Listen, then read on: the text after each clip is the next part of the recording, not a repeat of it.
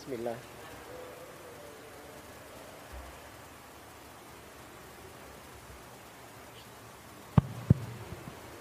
Bismillah. Assalamualaikum warahmatullahi wabarakatuh. Alhamdulillah. Hamdan katsiran tayyiban mubarakan fi kama yuhibbu rabbuna wa yarda. Asyhadu an la ilaha illallah wahdahu la syarika lah wa asyhadu anna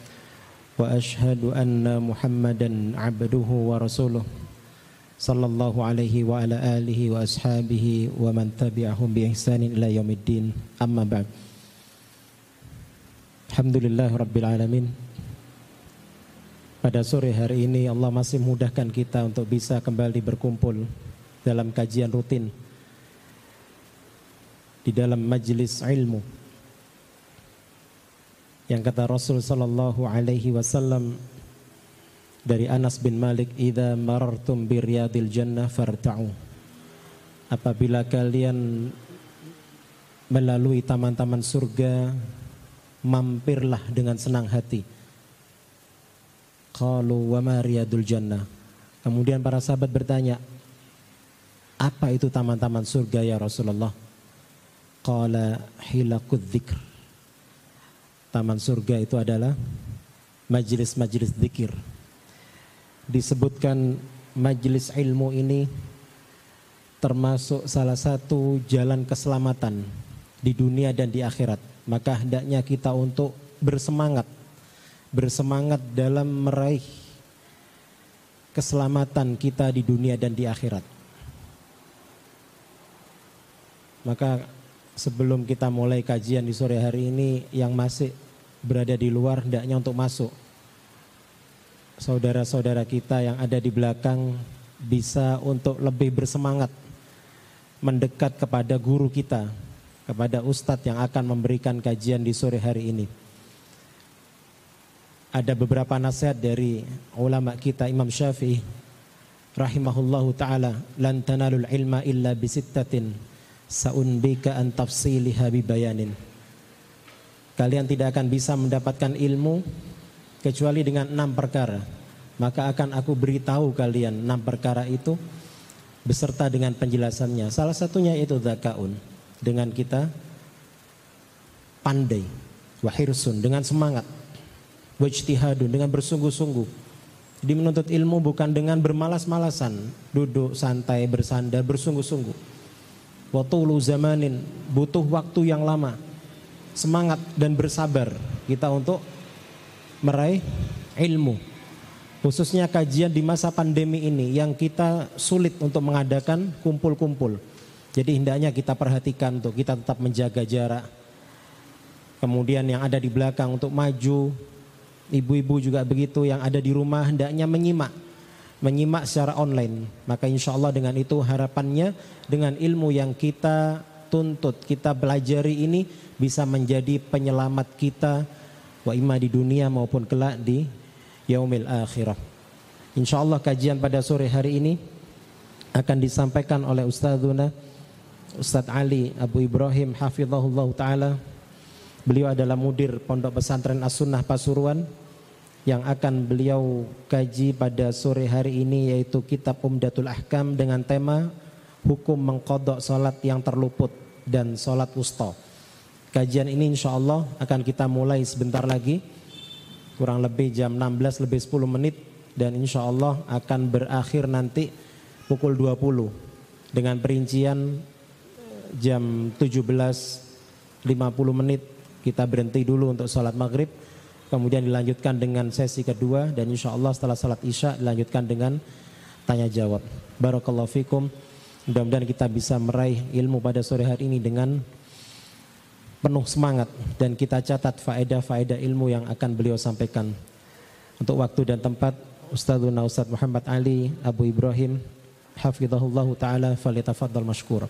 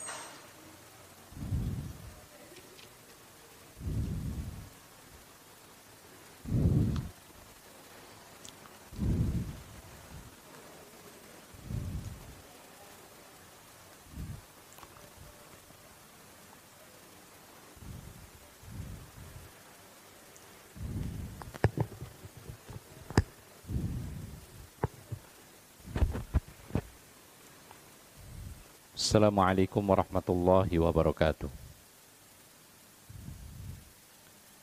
Bismillahirrahmanirrahim. Innal hamdalillah nahmaduhu wa nasta'inuhu wa nastaghfiruh. Wa na'udzu billahi min syururi anfusina wa min sayyiati a'malina. May yahdihillahu fala mudhillalah ومن يضلل فلا هادي له أشهد أن لا إله إلا الله وحده لا شريك له وأشهد أن محمدا عبده ورسوله يا أيها الذين آمنوا اتقوا الله حق تقاته ولا تموتن إلا وأنتم مسلمون يا أيها الناس اتقوا ربكم الذي خلقكم من نفس واحده wa khalaqa minha zawjaha. Wa batha minhuma rijalan katsiran wa nisaa'a. Wattaqullaha alladzi tasaaluna bihi wal arham. Innallaha kana 'alaikum raqiba. Ya ayyuhalladzina amanu taqullaha wa qulu qawlan sadida. Yuslih lakum a'malakum wa yaghfir lakum dhunubakum. ومن يطع الله ورسوله فقد فاز فوزا عظيما أما بعد Ikhwana Fiddin Azakumullah Para hadirin Para hadirat Para mustami'in Para mustami'at Pada sore hari ini mudah-mudahan kita kita selalu diberikan naungan oleh Allah Subhanahu wa taala berupa rahmat dan hidayahnya. pada sore hari ini kita bersyukur kembali kepada Allah di masa-masa sulit seperti sekarang ini kita masih bisa menjalankan salah satu ibadah kepada Allah Subhanahu wa taala yaitu belajar agama. Karena belajar agama termasuk ibadah tatkala Nabi sallallahu alaihi wasallam menyebut belajar agama adalah faridah maka yang disifati dengan faridah itu tidak lain adalah ibadah Adapun ibadah maka Allah Subhanahu wa taala mengatakan wa'bud rabbaka hatta ya'tiyakal yaqin. Beribadalah kepada Tuhanmu Allah sampai benar-benar datang kepadamu kematian. Para hadirin dan hadirat yang dimuliakan oleh Allah Subhanahu wa taala. Sore hari ini kita akan membahas dan sebenarnya materi kita berganti.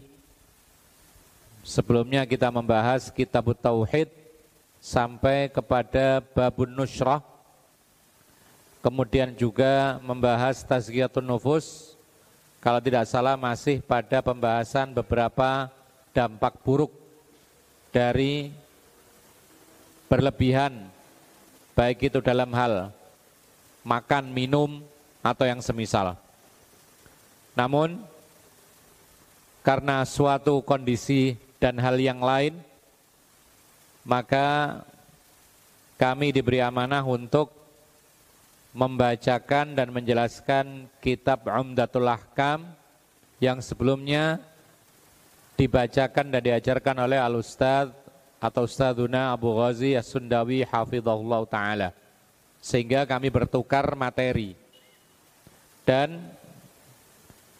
kalau kita melihat alasannya karena memang Ustadz Abu Ghazi sendiri mengatakan bahwa karena materi ini adalah materi yang kebetulan kami ajarkan di ma'had. Jadi sehari-hari kami membacakan kitab ini. Maka mungkin kata beliau lebih pas demikian dan memang Ustadzuna Abu Ghazi mengajarkan materi tauhid akidah di Ma'had sehingga beliau juga lebih pas dalam kitab tersebut. Mudah-mudahan Allah Subhanahu wa taala memudahkan kajian-kajian kita. Ikhwanna fiddin azakumullah.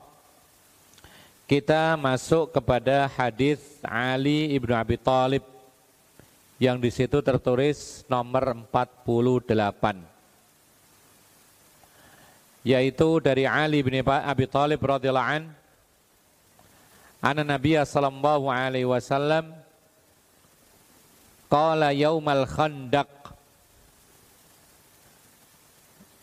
mala Allahu kuburahum wa buyutahum nara kama syaghaluna 'anis salatil wusta hatta ghabatis syams wa fi lafdhin li muslimin syaghaluna 'anis salatil wusta salatil asri thumma sallaha bainal maghribi wal isya tapi barangkali supaya tidak merasa monoton barangkali perlu dibacakan artinya, silakan yang bisa membaca artinya, karena antum ada yang membawa kitab, ada?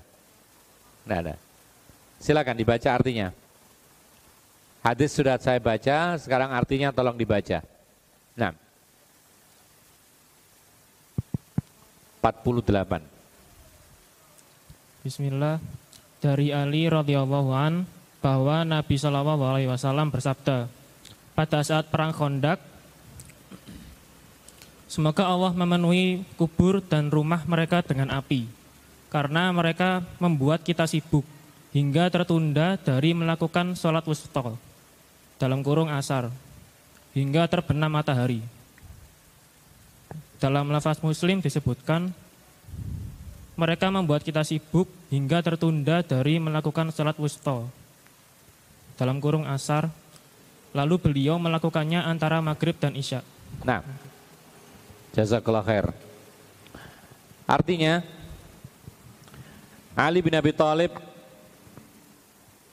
berkata atau dari beliau bahwa Nabi Muhammad SAW bersabda pada saat perang Khandaq. Perlu diketahui ikhwan Nabi Azakumullah, di antara perang yang besar yang terjadi pada zaman Rasulullah dan itu tertulis dalam sejarah Islam.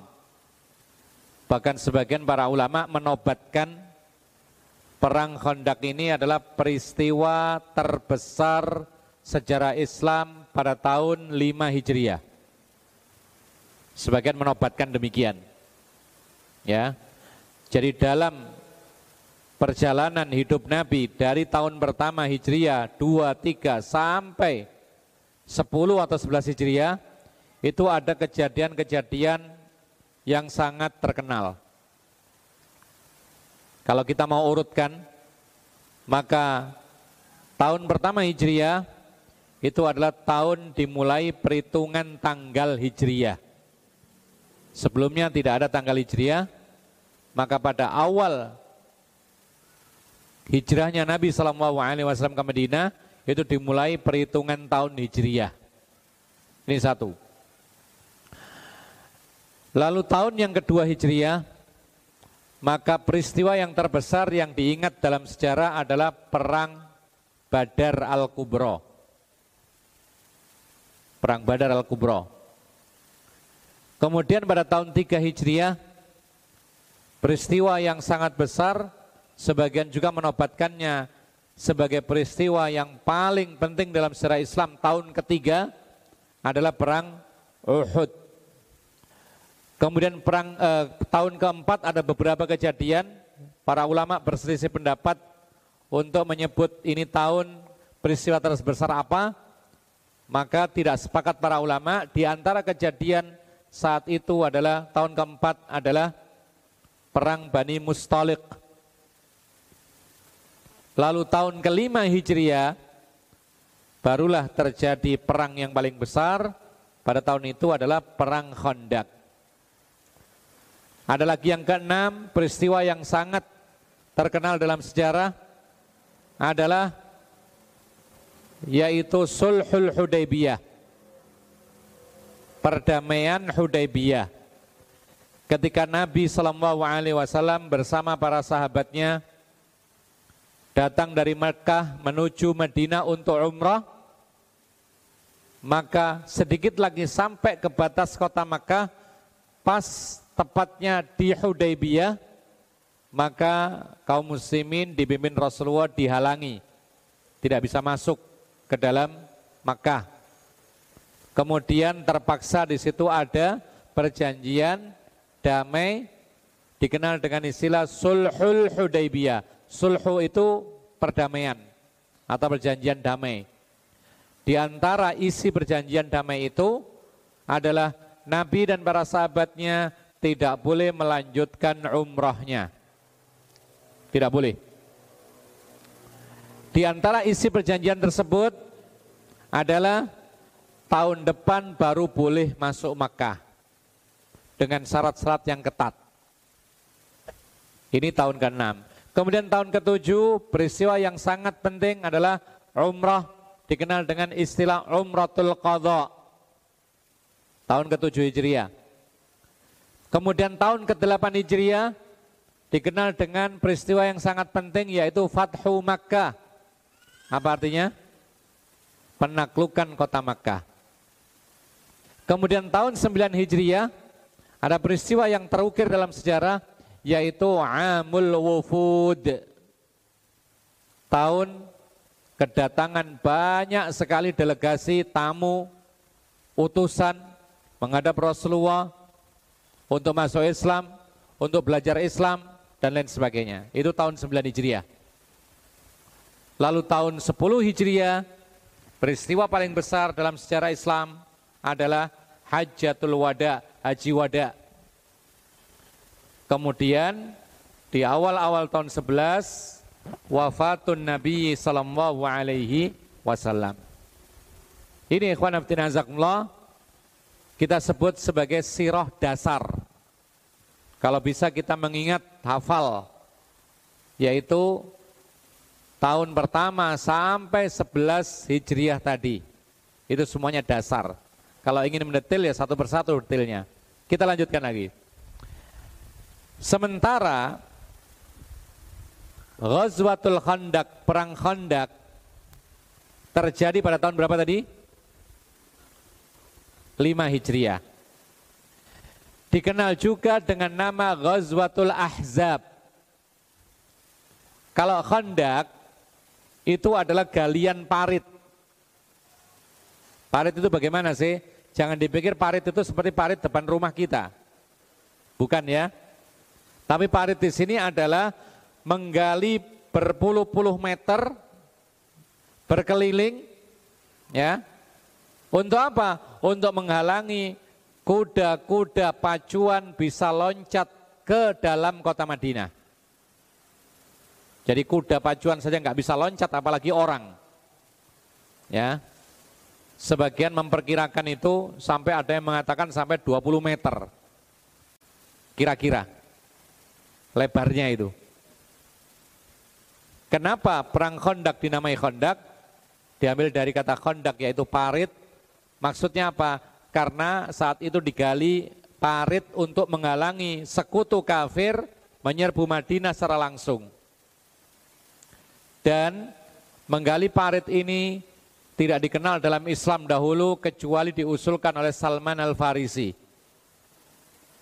Karena dia punya pengalaman dikepung oleh musuh. Dan perlu diketahui ikhwan azakumullah, Madinah itu posisinya terletak di antara dua bukit batu hitam. Sebelah barat dan sebelah timur. Mana barat sana, timur sana. Ini Madinah, sana bukit batu hitam, sana bukit batu hitam. Jalannya ada dua, selatan dan utara bisa dimasuki. Hanya saja sebagian bagian utara ini di sini ada penduduk Yahudi Bani Quraidah khusus. Kabilah Yahudi Bani Quraidah tinggal di bagian utaranya Madinah. Saat itu Rasulullah SAW mengikat perjanjian dengan Bani Quraidah perjanjian aman, tidak boleh berkhianat, tidak, tidak boleh saling menyerang, saling menjaga dan seterusnya. Sehingga yang terbuka hanya sisi selatan saja. Dan masalahnya adalah bukan diserbu satu, dua atau puluhan orang, tapi puluhan ribu sekutu mau menyerbu Madinah. Ketika Rasulullah SAW mendapatkan berita, bisa dari wahyu, atau mungkin dari kabar orang-orang yang mendahului mereka masuk Madinah bahwasanya orang-orang dari kalangan kafir Quraisy dibantu oleh orang-orang munafik digabungkan kobila-kobila musyrik saat itu ya. Kemudian ditambah lagi ke orang-orang Yahudi bersekutu semuanya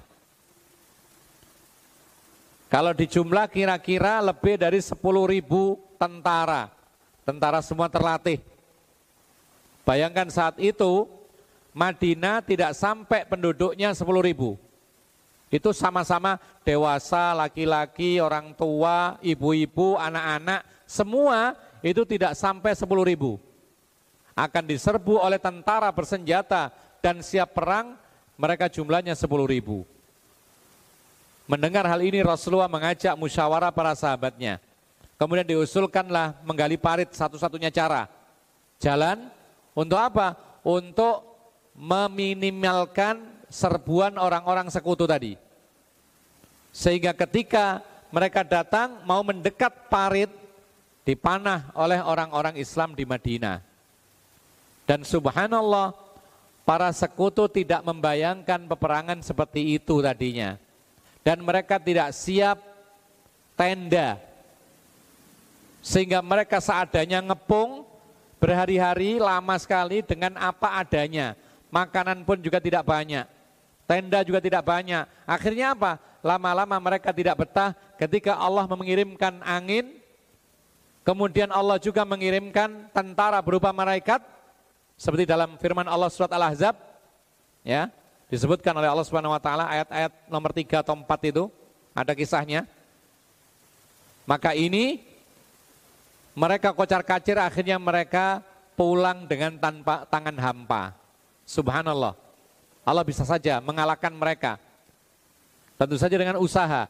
Cuman Allah mengalahkan mereka dengan dikirim angin, tentara berubah malaikat, dan seterusnya. Akhirnya mereka pulang dengan tanpa tangan hampa. Dan yang menjadikan mereka itu bersemangat untuk mengadakan perang khandak, bersemangat untuk menyerbu kaum muslimin, karena mereka masih penasaran setelah perang Uhud. Perang Uhud, siapa yang kalah? Perang Uhud. Ada beda pendapat para ulama. Ketika ditanya siapa yang kalah perang Uhud. Ya, sebagian mengatakan kaum muslimin kalah, sebagian mengatakan justru kaum muslimin menang. Cuman yang benar itu dikatakan adalah orang-orang kafir tidak mendapatkan kemenangan yang mutlak. Ini perkataan yang benar. Jadi terserah apakah ujungnya orang Islam yang menang atau yang kalah, tapi yang jelas orang-orang kafir tidak puas dengan kemenangan yang mutlak. Ya. Kenapa demikian? Karena orang-orang kafir tidak menghabisi kaum muslimin. Tidak bisa menghabisi kaum muslimin. Memang ada kekalahan. Setelah itu kemudian mereka bersatu lagi orang-orang Islam, kemudian orang-orang kafir mundur lagi. Hanya bisa membunuh beberapa orang saja. Maka mereka semakin penasaran dan saat perang Khandaq inilah mereka berjanji untuk menghabisi orang Islam bahkan di kota Madinah. Dan para ulama mengatakan hanya perang Khandaq inilah yang terjadi di dalam kota Madinah. Karena ini terdesak. Biasanya Rasulullah mendengar musuh mau nyerbu, Rasulullah bergegas menyambut mereka keluar dari kota Madinah. Hikmahnya di antaranya adalah supaya tidak jatuh korban orang-orang yang tidak ikut perang seperti anak-anak, kaum wanita, dan seterusnya. Tapi ini kondisinya darurat dikepung. Namun ternyata Allah subhanahu wa ta'ala dengan mudah mengalahkan mereka. Ma'asyil muslimin rahimakumullah. Di dalam peperangan Khandaq, Nabi Shallallahu Alaihi Wasallam bahasa kita itu kerja bakti, ya kerja bakti dengan para sahabatnya sama-sama menggali Khandaq diberi tugas oleh Rasulullah satu orang sekian puluh meter. Ketika menggali-menggali dan saat itu adalah saat musim paceklik. Sampai ada kisah dalam riwayat Muslim para sahabat Nabi yang menggali kondak itu mengganjal perut-perut mereka dengan batu. Ya, sampai ada yang nggak tahan. Kemudian mendatangi Rasulullah Wasallam. Dia mengatakan, wahai Rasulullah, saya sangat lapar. Ini batu saya ganjal di perut saya. Batu ditaruh di perut, diikat. Ya, mungkin antum kalau nggak pernah kelaparan, nggak pernah melakukan demikian. Tapi kalau orang kelaparan, taruh batu kemudian diikat, itu rasanya mendingan. Ketika saat sahabat Nabi datang kepada Nabi mengatakan, Wahai Rasul saya sangat lapar, ini batu saya ganjal. Dibuka oleh sahabat Nabi. Apa kata Rasulullah? Rasulullah pun juga membuka bajunya demikian, saya juga lapar. Ternyata apa? Ada dua batu diganjalkan di perutnya Nabi. Sahabatnya cuma satu. Kelaparan. Sehingga diskusi ini terdengar oleh seorang sahabat Nabi yang sangat dermawan meskipun tidak kaya raya. Siapa dia? Jabir ibn Abdullah. Jabir ibn Abdullah melihat fenomena seperti ini kesian. Maka kemudian dia segera pulang menemui istrinya. Istrinya ditanya, wahai istriku kau punya apa? Istrinya mengatakan tidak punya apa-apa. Yang kami punya adalah anak kambing, masih hidup. Apa kata Jabir? Ya sudah saya sembelih kamu masak. Nanti saya undang Rasulullah dan dua atau tiga orang temannya. Sudah disembelih di masa isinya, Jabir segera menemui Rasulullah Sallallahu Alaihi Wasallam. Kemudian dibisiki oleh Jabir wahai Rasulullah, aku mengundangmu untuk makan dan engkau sertakan dua atau tiga kawan saja. Apa yang dilakukan Rasulullah? Rasulullah membuka atau undangan ini diumumkan oleh Rasulullah Sallallahu Alaihi Wasallam. Rasulullah mengatakan, ya jamaah atau kurang lebih demikian, Jabir yad'ukum ilal walimah. Wahai jamaah, Jabir mengundang kita semua walimahan. Padahal masakannya apa? Anak kambing. Cukup banyak untuk empat atau lima orang saja bersama Jabir. Kemudian Jabir heran, dia minta datang Rasulullah bersama tiga atau empat orang lain, ternyata mengundang semua sahabat. Berapa semua sahabat yang sedang menggali parit? Bisa sampai seribuan orang. Sebagian mengatakan 300, sebagian mengatakan lebih dari itu. Anggap saja paling minimal 300 laki-laki yang sedang menggali parit. Maka Jabir kebingungan langsung bergegas pulang menemui isinya, dia mengatakan, wah istriku bahaya ini. Apa maksudnya kata istrinya? Saya minta Rasulullah datang bersama dua atau tiga orang lainnya, tapi malah dia mengundang semua sahabatnya. Celaka kita ini. Apa kata sang istrinya? Dia mengatakan, kalau itu memang dikatakan Rasulullah, Rasulullah tidak akan menyusahkan kita. Sudah, tawakal, iman. Ternyata betul, tidak lama kemudian datang Rasulullah Berbondong-bondong para sahabatnya di belakangnya. Kemudian Rasulullah SAW mengatakan, mana makanannya? Ini kata Jabir, biarlah aku yang menciduknya. Rasulullah yang menciduknya. Mengambilkan makanan untuk para sahabatnya. Terus bergantian, semua makan, makan, makan. Semua selesai. Semua kenyang dalam riwayat disebutkan demikian. Syabi'u, mereka kenyang semuanya. Kemudian setelah selesai, semua kaum muslimin makan dengan kenyang, Kemudian apa kata Jabir? Masih utuh makanan di dalam kuali tersebut. Loh kok bisa demikian gimana ini? Inilah yang namanya mukjizat. Terjadi pada saat penggalian kondak pada perang Badar. Ada lagi kejadian yang disebutkan juga sebagai mukjizat dalam riwayat Muslim juga Ketika para sahabat Nabi menggali khandak, ada salah seorang sahabat Nabi ketika dia memukulkan alatnya semacam cangkul begitu, kemudian mengenai sesuatu yang keras. Kemudian dia tidak mampu untuk menggali, kemudian melapor kepada Rasulullah SAW. Maka Rasulullah mengatakan mana alatmu dipukulkan oleh Rasulullah SAW, kemudian terpancar sinar yang sangat terang.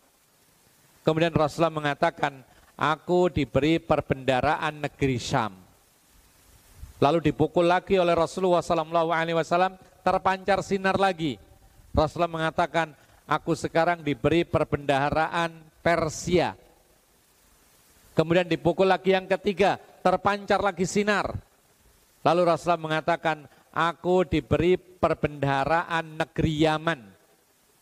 Kemudian yang keempat, dipukulkan lagi, hancur berantakan batu yang sangat keras tadi. Ternyata disebutkan oleh para ulama, apa sih makna Rasulullah mengatakan diberikan perbendaraan negeri Syam, Persia, dan Yaman? Ini maksudnya adalah Islam merambah ke negeri Yaman, Persia, dan juga mana tadi? Yaman. Dan itu benar menjadi kenyataan setelah hal itu. Ma'asyiral muslimin rahimakumullah. Maka Rasulullah SAW mengatakan hal ini ketika peperangan Khandaq. Jadi ketika sangat sibuk menghadapi serangan, bertubi-tubi serangan, sehingga apa? Sehingga saking bertubi-tubinya serangan itu, Nabi dan para sahabatnya tidak sempat sholat asar sampai terbenam matahari. Bahkan sebagian para ulama ada yang meriwayatkan juga Rasulullah belum sempat sholat zuhur sampai tenggelam matahari. Berarti yang ditinggalkan sholat apa? Hah? Sholat apa? Zuhur, asar, maghrib. Ya, maghrib tapi masih masuk waktunya maghrib. Sebagian yang lain mengatakan sampai kehilangan maghribnya masuk ke waktu isya. Masuk ke waktu isya. Maka kemudian Rasulullah SAW mengatakan, semoga Allah Subhanahu Wa Taala memenuhi kubur dan rumah mereka dengan api karena mereka membuat kita sibuk hingga tertunda dari melaksanakan sholat wusta dalam kurung asar hingga terbenam matahari. Dalam lafat muslim disebutkan mereka membuat kita sibuk hingga tertunda dari melakukan sholat wusta, yaitu asar, lalu beliau melakukannya antara maghrib dan isya. Artinya antara waktu maghrib dengan waktu isya. Ikhwana fiddin azakumullah. Rasulullah sallallahu alaihi wasallam mendoakan jelek kepada orang-orang musyrik. Maka ini boleh kalau memang ada sebabnya. Dan tidak menyebut nama. Kecuali kalau nama-nama itu telah difonis oleh Allah Subhanahu wa taala baru boleh mendoakan jelek mereka. Tapi kalau tidak, maka sekedar disebutkan sifat. Makanya di sini tadi disebutkan yaitu mereka, mereka yaitu orang-orang musyrik. Semoga dipenuhi kubur dan rumah mereka api sesuai dengan dosa yang mereka perbuat menghalangi nabi dan para sahabatnya untuk sholat beberapa waktu. Ikhwana fiddin azakumullah. Hadis ini juga menunjukkan kepada kita bahwasanya sholat wusta itu adalah sholat asar. Terjadi perbedaan pendapat apa sih sholat wusta? Seperti dalam ayat Al-Quran, Hafidhu ala salawati was salatil wusta. Jagalah sholat-sholatmu dan sholat wustamu. Nah para ulama berbeda pendapat apa sih sholat wusta itu. Dan anehnya perbedaan pendapat ini pendapat-pendapatnya sangat banyak mencapai 18 pendapat. Padahal sholat cuma lima waktu. Ini menunjukkan bahwasanya ada yang berpendapat selain lima waktu. Ada yang berpendapat sholat wusta adalah sholat duha. Ada yang berpendapat sholat uh, wusta itu adalah sholat witir dan lain sebagainya. Tetapi semua itu pendapat dan pendapat itu lemah. Pendapat yang paling kuat sholat wusta adalah sholat asar. Apa artinya wusta? Hah? Apa artinya wusta? Wusta itu secara bahasa pertengahan. Tetapi maksudnya di sini adalah yaitu sholat yang paling afdol. Ya. Seperti Allah mengatakan, wa kadzalika ja'alnakum ummatan wasaton. Sama, wusta wasaton sama. Kami jadikan kalian ini umat yang paling wasaton. Apa maksudnya? Masa tengah. Kita tengah dari mana? Umatan wasaton. Kita ini umat yang paling afdol. Sebagaimana dikatakan oleh Nabi SAW, Nahnul akhirun al awwalun. Kami ini adalah orang-orang yang paling akhir diutus tetapi paling awal masuk surganya. Karena afdol. Ya. Nah, demikian pula salat asar itu adalah salat yang paling afdol dari sekian banyak salat. Sampai-sampai Nabi SAW mengatakan, Mantarokal asra, faka'an nama wutira ahlu. Siapa yang meninggalkan sholat asar, maka sama halnya dia kehilangan keluarganya. Jadi para ulama mengatakan, orang yang tidak sholat asar sekali saja, itu sama dengan kehilangan salah satu keluarganya. Ahl di sini bisa dimanakan istri, bisa dimanakan keluarga. Anggap saja itu keluarga. Bagaimana rasanya kalau kita kehilangan salah satu anak kita? Maka kita akan sedih. Kita akan menangis. Atau bagaimana kalau kita kehilangan istri kita? Gimana rasanya? Atau belum pernah kehilangan istri? Hah? Belum pernah? Sedih. Ya, yang sudah pernah merasakan sedih. Nah, demikian pula orang yang meninggalkan sholat asar sekali saja, maka rasanya mustinya sama dengan kehilangan istri atau kehilangan salah satu anaknya. Pasti sedih. Tapi kenapa orang-orang kadang-kadang tidak sholat asar tapi tidak sedih? Itu karena belum paham tentang keutamaan sholat asar. Ya, Bahkan sebagian para ulama mengatakan di antara sholat yang paling berat yang dilakukan oleh orang munafik di antaranya selain sholat isya dan sholat subuh adalah sholat asar. Kenapa demikian? Macam-macam alasannya. Asar itu biasanya orang sedang istirahat. Kalau enggak istirahat, sedang tanggung-tanggungnya pekerjaan. Tinggal dikit. Sehingga apa? Sehingga malas untuk sholat asar. Maka dari itu pahalanya lebih besar dibandingkan dengan sholat yang lain karena ujiannya lebih berat. Apalagi ketika sholat asar jarang orang melihat. Sehingga orang yang ada benih kemunafikannya itu akan berat melakukan sholat-sholat yang tidak dilihat orang. Makanya sholat yang paling rame itu sholat apa biasanya? Sholat yang paling rame di masjid, sholat apa? Maghrib. Kenapa? Karena saat itu banyak sekali pendukungnya. Yang membuat kita ringan menjalankan sholat maghrib berjamaah banyak. Pertama, habis selesai bekerja, waktu nyantai, setelah mandi, badan segar, cuaca masih terang, orang semua melihat. Jadi banyak yang meringankan beban untuk sholat maghrib. Makanya paling rame. Coba setelah itu isya berkurang separuhnya. Bahkan lebih dari separuh. Apalagi subuh, hilang jamaah masjid sekian banyak. Karena saat itu semakin jarang orang yang melihat. Demikian pula asar. Bahkan sebagian masjid di kampung-kampung itu dikunci. Kalau asar. Kenapa? Karena nggak akan ada orang yang datang.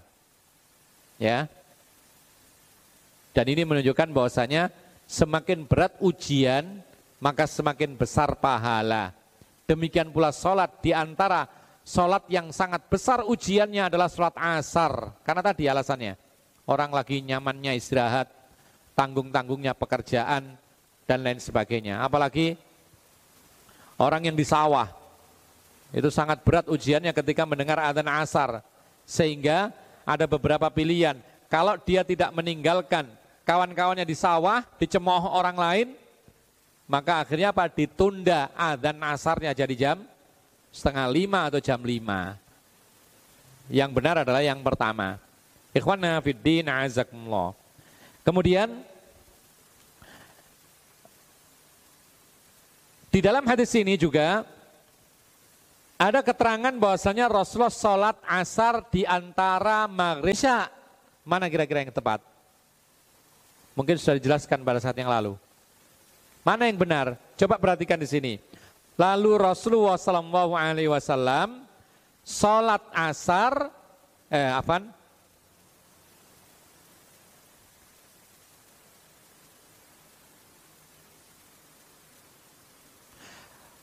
Terakhir di situ, lalu beliau melakukan antara maghrib dan isya. Antara maghrib dan isya ini maksudnya adalah sholat maghrib, kemudian asar, kemudian isya, atau asar, maghrib, lalu isya. Mana yang tepat? Ada yang bisa jawab? Taib. Ada perbedaan pendapat dalam masalah ini. Memang dua-duanya mengandung kemungkinan.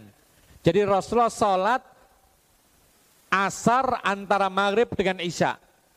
Dalam madhab syafi'i, mereka mengatakan bahwasanya sahibul waktu ahakku bihi. Pemilik waktu lebih berhak.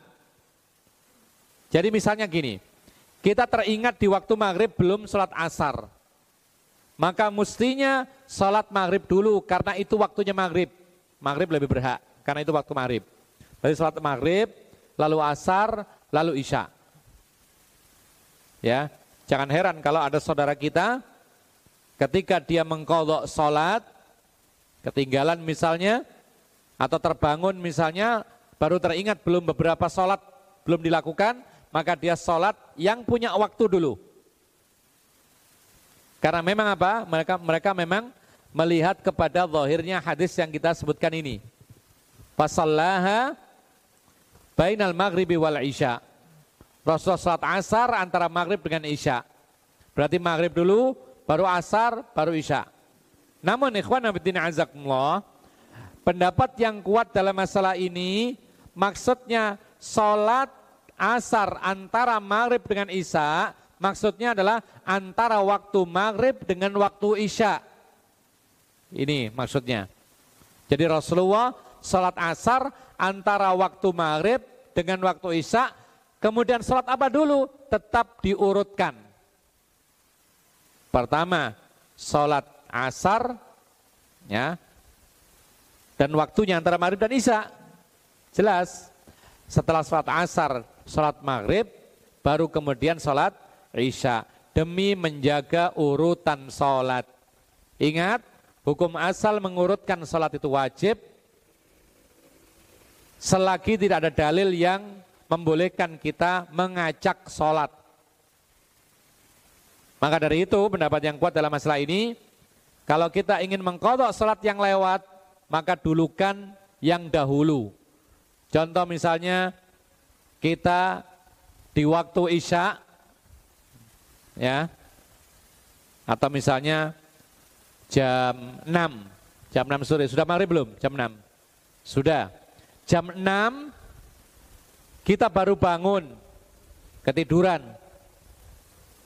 Kita mau sholat maghrib, tapi teringat belum sholat asar. Ya, mungkin saja kita kelelahan, terlalu lelah, musafir, sehingga tidur dari zuhur sampai maghrib. Ketika jam 6 bangun, baru ingat belum sholat asar. Maka menurut pendapat yang kuat, dia segera sholat asar, meskipun waktunya masuk maghrib, lalu kemudian maghrib, kemudian baru isya, kalau memang masuk waktu isya. Sementara dalam madhab syafi'i, itu maghrib dulu karena dia waktunya, pemiliknya, dia berhak. Baru kemudian asar, baru kemudian isya. Oleh karena itu, ikhwan abdina azakumullah, andaikan yang terlewatkan bukan hanya sholat asar, tapi sholat duhur sebagaimana dalam beberapa riwayat yang lain. Jadi Rasulullah belum sempat sholat duhur, belum sholat asar, dan masuk waktu maghrib. Bagaimana cara sholatnya? Ya sudah dari awal, duhur dulu, baru kemudian asar, baru kemudian maghrib, baru kemudian isya. Karena mengurutkan sholat itu wajib. Taib, ada enggak keringanan atau kebolehan untuk tidak mengurutkan sholat? Ada atau enggak? Jawabannya ada dalam tiga kondisi. Boleh kita tidak mengurutkan sholat dalam tiga kondisi. Ya. Kondisi yang pertama ketika kita belum tahu hukum. Misal kita ini bangun Tahu-tahu waktu maghrib. Kemudian kita belum sholat asar. Karena nggak ngerti langsung saja sholat maghrib, baru kemudian asar, baru kemudian isya. Karena nggak tahu, maka dimaafkan. Boleh. Posisi atau kondisi yang kedua, ketika lupa urutan sholat.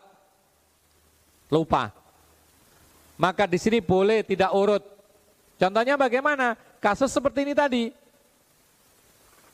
Ketika dia bangun di waktu maghrib, ya, dia teringat belum sholat asar, maka dia sholat asar, lalu sholat maghrib, Kemudian teringat lagi, oh iya belum sholat duhur.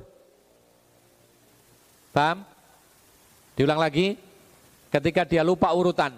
Misalnya di waktu maghrib, dia terbangun, kemudian dia ingat belum sholat asar.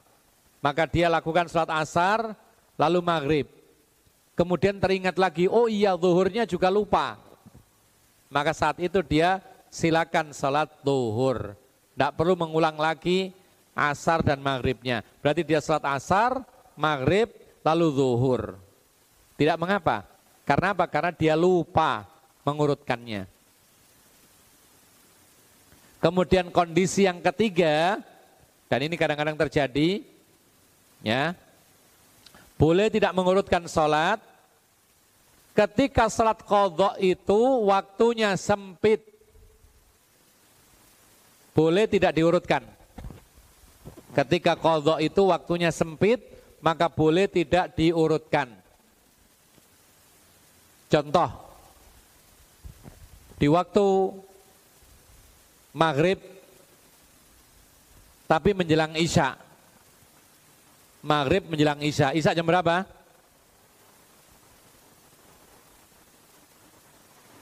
Tujuh lebih delapan menit. Isanya. Sekarang ini. Dia terbangun jam tujuh lebih dua menit. Tinggal berapa menit Isya? Tinggal enam menit. Ya, 6 menit cukup untuk sholat sekali. Ketika dia mau sholat isya di penghujung waktu uh, ketika dia hendak sholat maghrib di penghujung waktu maghrib, hampir isya, dia teringat bahwa dia belum sholat asar. Perhatikan. Kapan ingatnya? Menjelang isya. Jadi belum sholat maghrib, waktunya menjelang isya, dan dia belum sholat asar. Tapi pertanyaannya, apa yang harus dilakukan? Ada yang bisa? Silakan angkat tangan. Kurang jelas soalnya. Sholat maghrib dulu. Taib. Paham nggak soalnya? Kita ulang ya soalnya ya. Jadi kondisi yang ketiga boleh tidak mengurutkan sholat, ya. Apabila waktu mengkodok itu sempit Contohnya, bangun-bangun menjelang isya, menjelang isya, hampir isya. Dia belum sholat maghrib dan belum sholat apa? Asar. Ya. Maka apa yang dilakukan waktunya sempit hanya cukup untuk satu sholat saja. Kalau dia sholat asar maka lewat waktu maghribnya. Kalau dia sholat maghrib, maka sholat maghrib di waktu maghrib. Cuman asarnya di waktu isya. Mana yang dilakukan? Jawabannya dia harus sholat maghrib. Karena itu adalah waktu maghrib dan itu hanya sisa sedikit cukup untuk maghrib saja. Lalu bagaimana dengan uh, asarnya di kodok? Kalau asarnya memang sudah tidak pada waktunya. Ya, sama saja didahulukan atau diakhirkan tetap sudah keluar waktunya. Sehingga yang saat ini digunakan adalah kalau memang waktunya sempit maka boleh tidak diurutkan karena apa? Karena maghrib tadi yang lebih berhak untuk dilakukan. Karena kalau tidak maka mengkodok dua sholat. Jadi kalau misalkan dia mendahulukan asar di waktu maghrib lalu habis waktu maghribnya berarti mengkodok asar kemudian maghribnya lewat juga akhirnya mengkodok maghrib dan asar tadi. Sementara kalau kita sholat maghrib di waktu itu maka tetap yang kita kodok cuma satu. Ya. Taib. Kita lanjutkan ikhwan nafiddin azakumullah. Di dalam hadis ini demikianlah kondisi Rasulullah SAW yaitu memperhatikan atau perhatian sangat sekali terhadap sholat Sampai-sampai dia mendoakan jelek orang-orang yang menyibukkan beliau sehingga tidak sempat sholat asar. Maka ini semestinya menjadi pelajaran berharga buat kita bahwa kita ini harus mengutamakan urusan sholat. Sholat urusan dunia yang pertama kali yang harus diutamakan. Dari sekian banyak urusan yang kita kerjakan di dunia, maka sholat harus menempati nomor pertama. Kenapa demikian? Pertama karena itu rukun Islam. Ya. Yang kedua, Rasulullah tidak pernah menyebutkan satu amalan jika ditinggalkan itu merupakan pertanda kekufuran kecuali sholat. Bahkan Rasulullah mengatakan al-ahdul bainana wa bainahumus shalah faman tarakaha faqad kafara.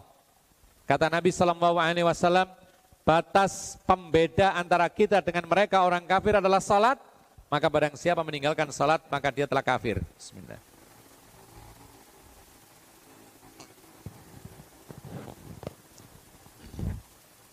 Bahkan Rasulullah wasallam mementingkan urusan sholat ini sehingga dia tidak pernah sholat di rumah kecuali ketika ada udur yang sangat-sangat berat. Ini pelajaran berharga buat kita kaum laki-laki. Demikian pula ibu-ibu suruh suami-suaminya dan anak laki-lakinya ketika usia tamyiz untuk pergi ke masjid. Kenapa? Karena teladan kita semua Rasulullah SAW tidak pernah sholat di rumah fardu kecuali ketika udur yang benar-benar berat. Bahkan ketika sedang sakit parah pun hendak meninggal dunia, sempat-sempatnya beliau terus bertanya tentang sholat. Antum barangkali mengetahui kisah bagaimana Rasulullah SAW merasa nyaman sedikit ketika sakit parah menjelang wafatnya Padahal sudah mewakilkan imam kepada Abu Abu Bakar. Lalu kemudian Rasulullah merasa nyaman, Rasulullah masuk masjid. Dijumpai Abu Bakar sedang mengimami sholat baru mulai. Maka Rasulullah berdiri di sampingnya Abu Bakar. Ingin menjadi makmumnya Abu Bakar. Di samping mananya? Di samping kanannya Abu Bakar. Pengen jadi makmum. Tapi malah Abu Bakar mundur. Akhirnya apa? Akhirnya yang menjadi imam adalah Rasulullah. Saat itu Rasul sakit parah sehingga mengimami manusia dalam kondisi duduk. Bayangkan. Sampai tidak mampu berdiri sekalipun tetap mengimami sholat. Sementara kita ini kadang-kadang tidak sakit tapi alasan sakit sehingga tidak sholat ke masjid. Atau kadang-kadang sakit tapi sakitnya sakit ringan. Ya, sakit gatal, tidak mau ke masjid. Tidak boleh seperti ini. Rasul sakit betul-betul parah, tidak mampu bangkit, sampai dia terpingsang-pingsan untuk pergi ke masjid, berkali-kali pingsan. Bahkan dikatakan oleh para sahabat Nabi dahulu pada zaman Rasulullah SAW itu, ada orang sakit, mereka dipapah dengan dua orang kiri kanan sehingga diberdirikan di soft. Saking mereka perhatiannya sholat berjamaah di masjid. Dan di tempat kita ini termasuk yang sangat-sangat minim pemahaman tentang sholat berjamaah di masjid. Kurang mementingkan sholat berjamaah di masjid. Sehingga banyak fenomena masjid kosong terutama zuhur dan asar. Kalau maghrib isya insya Allah masih banyak.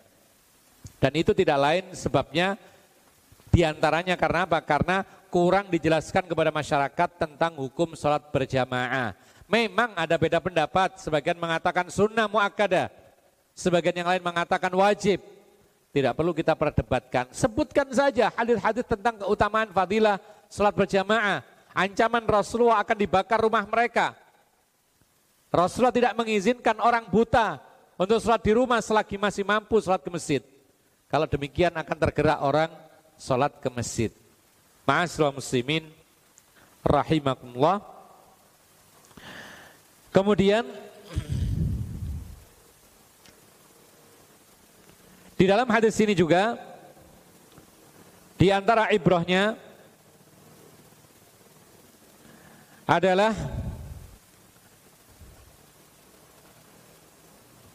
boleh sholat di luar waktunya atau kelewatan waktunya asalkan ada uzur. Ada udur. Jadi boleh sholat tidak pada waktunya dengan catatan asalkan ada udur. Berarti kalau tidak ada uzur, maka tidak boleh. Apa itu uzur? Satu, lupa. Lupa itu banyak sebabnya. Lupa karena sibuk perang. Ini terjadi pada Rasulullah. Uzur, tidak berdosa. Atau lupa karena sibuk bekerja. Uzur gak itu? Uzur, karena memang dia tidak sengaja. Kecuali kalau menyengaja, dipaskan jadwalnya keluarnya setelah waktu sholat, tidak boleh. Tapi dia lupa karena sibuk bekerja, sehingga lupa sholat misalnya, udur. Ini lupa. Yang kedua, ketiduran. Bukan sengaja tidur. Ketiduran. Ya. Kadang-kadang terjadi bagi orang-orang yang malamnya terlalu malam tidurnya. Maka dia berat untuk bangun subuh. Oleh karena itu solusinya, kalau kita berat sholat subuh atau sering-sering bablas sholat subuhnya, maka solusinya adalah tidurnya cepat. Maksudnya cepat apa? Mubakiron gasik. Setelah sholat isya nggak ada acara penting tidur, maka dijamin insya Allah subuh sudah bisa bangun sendiri. Ya, jangankan sholat malam, Sholat subuh saja kadang-kadang kelewatan. Kenapa demikian? Karena sebabnya adalah tidurnya kemalaman. Jangan kebiasaan yang buruk. Nabi Shallallahu Alaihi Wasallam mengatakan, Akrahun nauma qoblal isya wal haditha ba'daha. Aku benci, kata Nabi Shallallahu Alaihi Wasallam. Tidur sebelum isya dan ngobrol setelah isya. Jadi Rasulullah itu tidak suka tidur sebelum Isya. Kenapa demikian? Khawatir lewat Isyanya. Rasulullah tidak suka ngobrol-ngobrol nggak ada gunanya setelah Isya. Kenapa? Karena biasanya kalau ngobrol itu asik. Ya. Kemudian tahu-tahu jam satu malam. Lalu kemudian ngantuk. Dijamin subuhnya berat. Maka Rasulullah SAW tidak suka hal-hal yang mengakibatkan atau mengkhawatirkan dirinya akan terlambat sholatnya.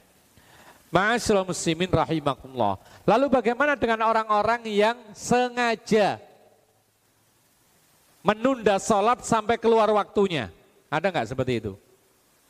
Menunda sholat sehingga waktunya habis, sengaja.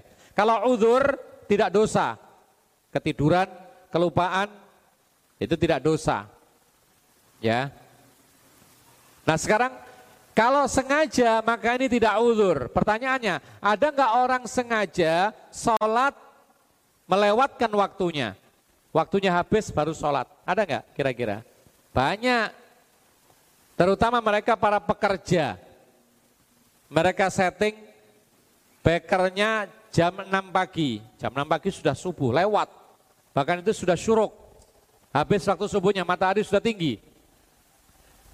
Dia bunyikan alarm alarmnya jam 6, bangun, mandi-mandi, sholat, sarapan, berangkat kerja. Jam 7. Artinya apa? Dia buat-buat waktu subuh sendiri. Jadi waktu subuh bagi dia adalah jam 6. Padahal waktu subuh itu adalah terbitnya Fajar Saldik. Dan itu sekitar jam 4 lebih sekian atau kurang sekian kalau di tempat kita. Oleh karena itu, sekarang pertanyaannya, apabila orang itu sengaja menunda sholat sehingga lewat waktunya, dikodok atau tidak dikodok? Apa jawabnya kira-kira?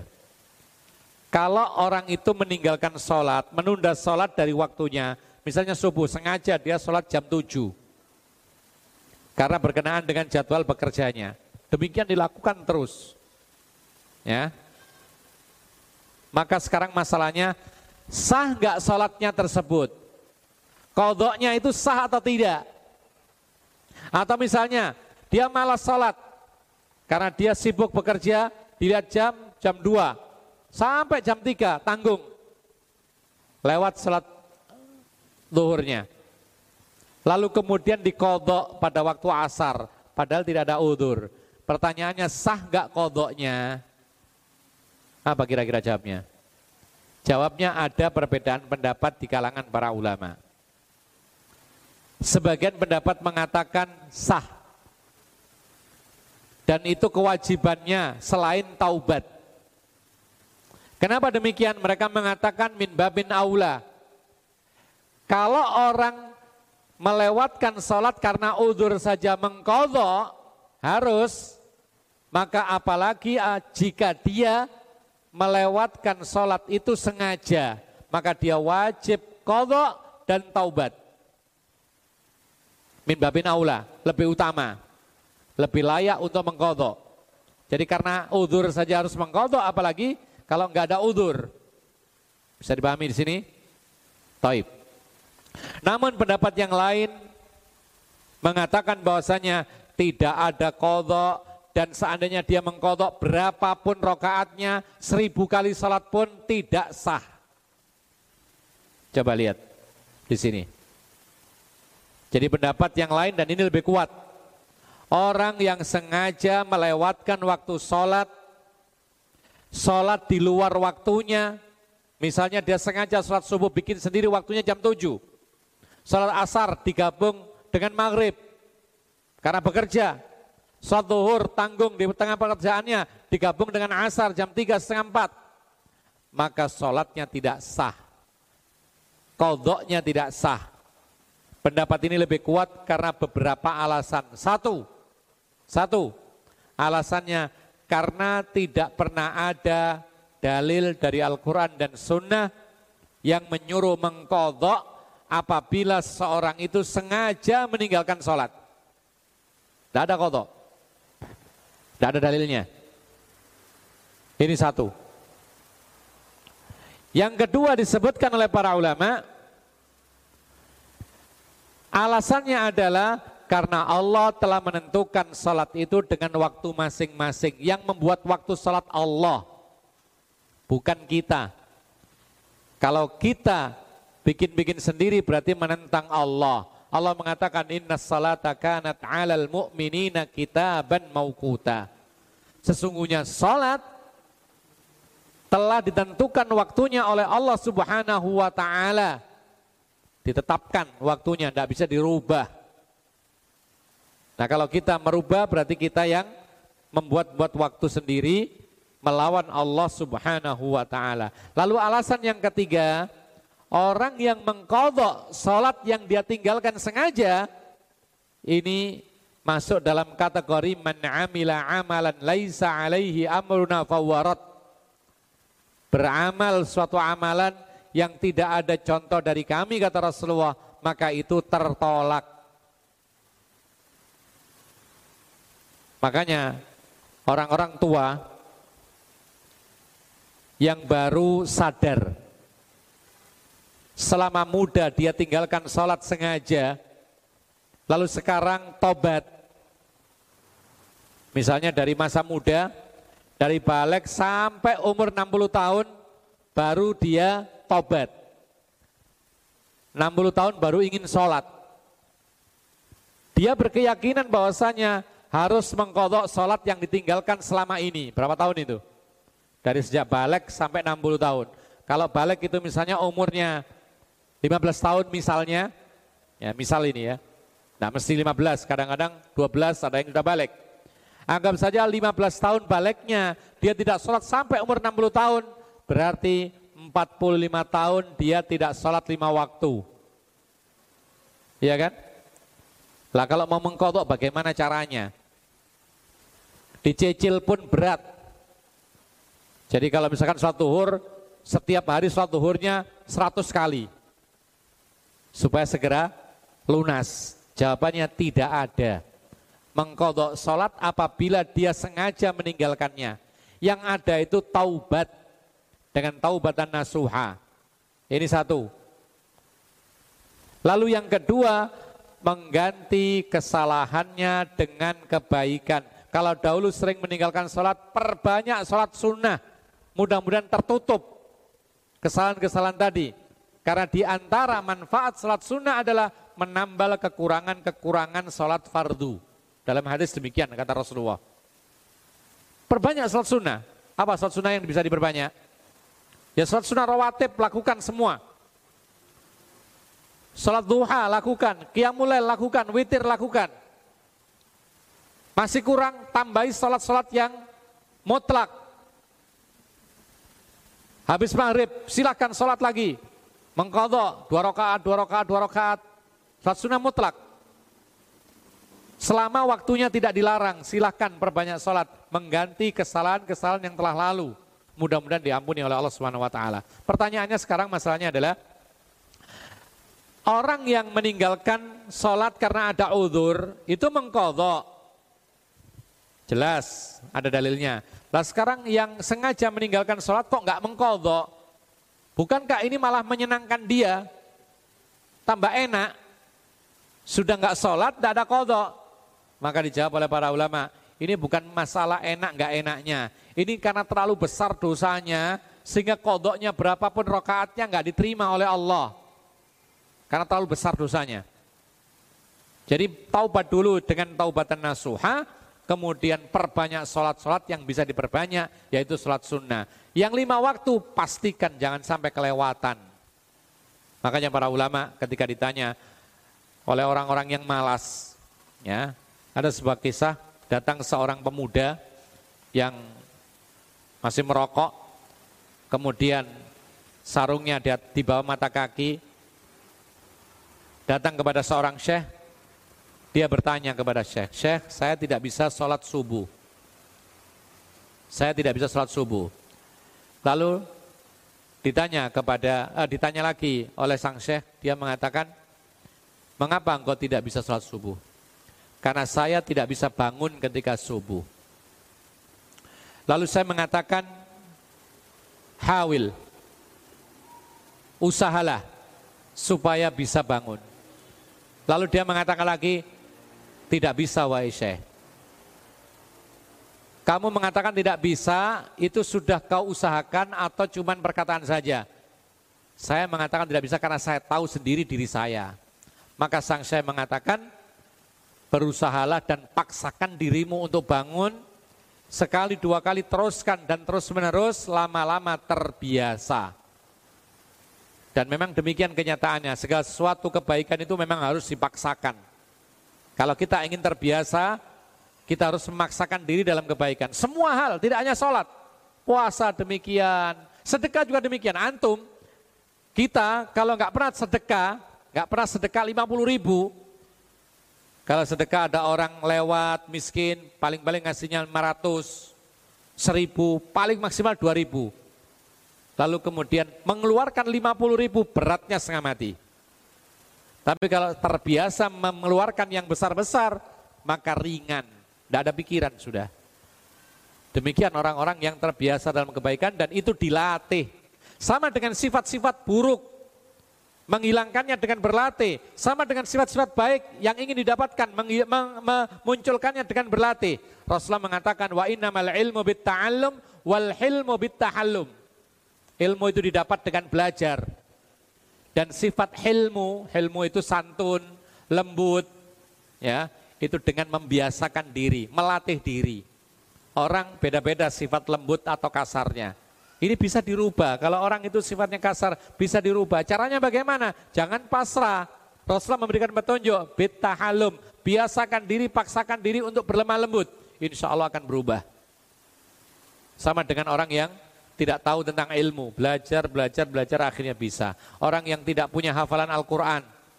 Kalau pasrah terus, ah, saya nggak bisa, sudah tua, nggak bisa baca atau menghafal juz amma nggak bisa, nggak bisa, nggak bisa terus ya, nggak bisa semua. Tapi mulai paksakan diri. Habis setiap sholat paling tidak satu ayat, dua ayat. Insya Allah hafal juz amma.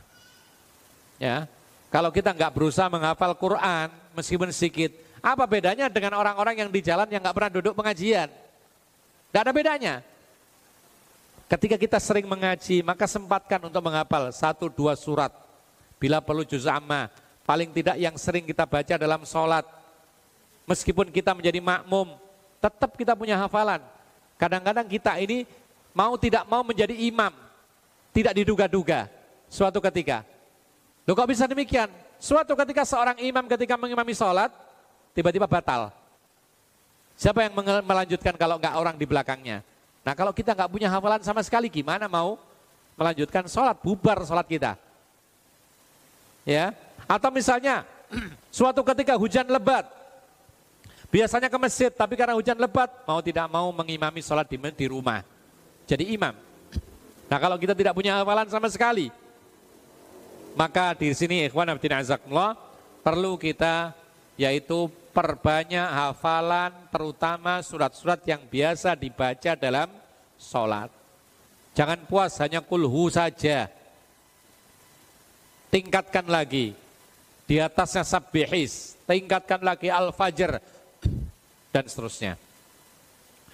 Dan para ulama mengatakan dengan membaca selain surat yang biasa kita baca itu akan menambah kekhusyuan.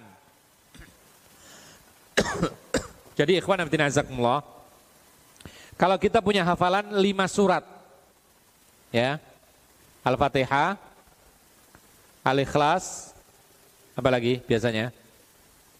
An-Nas, Al-Kafirun, satu lagi Al-Kautsar, paling pendek. Kalau yang hafal kita, yang kita hafal ini saja, sholat tidak lepas dari ini, maka seperti radio diputar, bunyi sendiri. Tidak ada menghayati, otomatis keluar lisan kita baca kul wallahu ahad Allahu samad. Demikian. Tapi kalau kita membaca surat-surat yang mungkin baru saja dihafal, maka kita mikir, kita perhatian, jangan sampai salah. Kita hayati maknanya menjadi lebih khusyuk. Jadi ikhwan fillah terutama ketika antum salat sendirian, praktekkan surat-surat yang jarang dibaca. Bila perlu yang panjang-panjang. Supaya apa? Supaya kita ini mentadaburi surat tersebut dan kita sholatnya lebih khusyuk. Ikhwana fiddin azakumullah. Kita lanjutkan hadis yang kedua. Sampai jam berapa? 11.40. Ini materi terus atau Oh, tanya bisa. Taib, kita lanjutkan. Bismillah.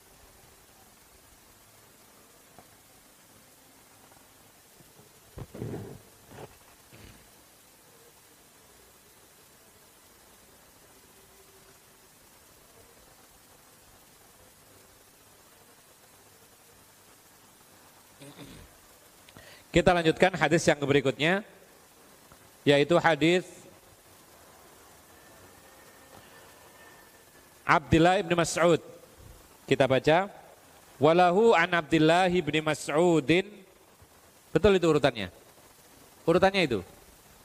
Jangan-jangan salah karena beda. Yang jadi patokan antum apa?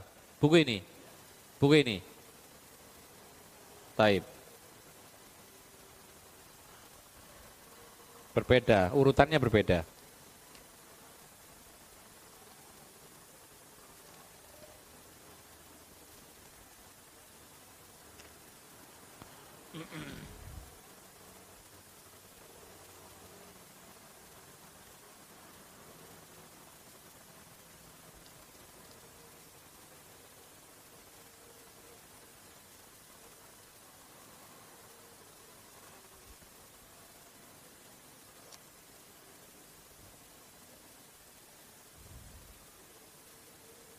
Taib. Kita baca lagi. Walahun Abdullah bin Mas'udin qala habasal musyrikuna Rasulullah sallallahu alaihi wasallam anil asri hatta marrat syams aw isfarrat faqala Rasulullah sallallahu alaihi wasallam syaghaluna anis salatil wusta salatil asri mala Allahu ajwafahum wa kuburahum naran au hasyallahu ajwafahum wa kuburahum naran. Silakan diterjemahkan. Silakan. Siapa? Boleh?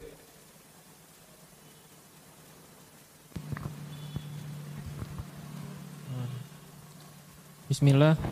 Dalam riwayat Muslim dari Abdullah bin Mas'ud, ia berkata, kaum musyrik mencegah Nabi Shallallahu Alaihi Wasallam dari melakukan salat asar sehingga matahari semakin merah atau kuning.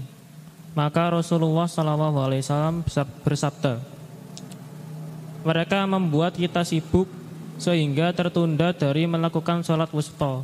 yaitu salat asar. Semoga Allah memenuhi perut dan kubur mereka dengan api. Nah, hadis ini sama dengan yang sebelumnya. Intinya adalah keterangan bahwa Nabi Shallallahu Alaihi Wasallam dan para sahabatnya itu diserang oleh para sekutu kaum kafir sehingga Rasulullah Wasallam tidak sempat sholat asar sampai masuk waktu maghrib. Ya, lalu kemudian Rasulullah sholat asar pada saat waktunya maghrib masuk maghrib. Taib, ada permasalahan yang disebutkan oleh para ulama, yaitu ketika sibuk berperang di sini, kenapa Rasulullah tidak mempraktekkan salatul khauf? Salat apa? Khauf. Apa salat khauf itu? Salat ketika sedang mengalami kondisi ketakutan Artinya apa? Sholat dengan cara yang banyak sekali keringanannya, ya. Sehingga apa? Sehingga beberapa rukunnya itu bisa gugur. Bahkan di situ cuma dua rakaat saja. Sholat khauf itu. Dengan cara bagaimana? Dibagi separuh, separuh, separuh ikut Rasulullah.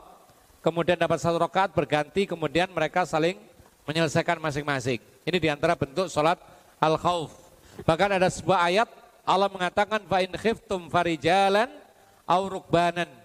Kalau kalian sedang dalam keadaan kondisi mencekam, maka salatlah kalian dalam keadaan rijalan berlari au rukbanan atau dalam keadaan berkendara.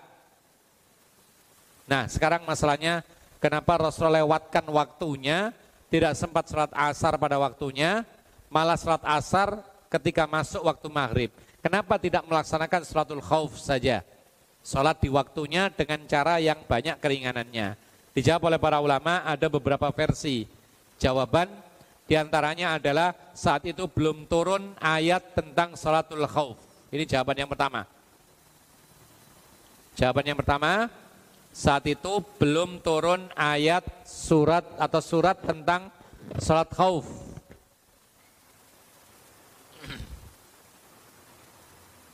Karena apa? Karena memang ayat tentang salat khauf ini turunnya di akhir-akhir masa hidupnya Rasulullah. Sementara perang Khandaq ini terjadi pada tahun 5 Hijriah. Jadi wajar kalau pada saat peperangan Khandaq belum ada petunjuk dari Allah untuk melakukan sholat ketika perang. Jadi bawa senjata boleh. Ya, rukuk sujudnya bergantian sambil jaga.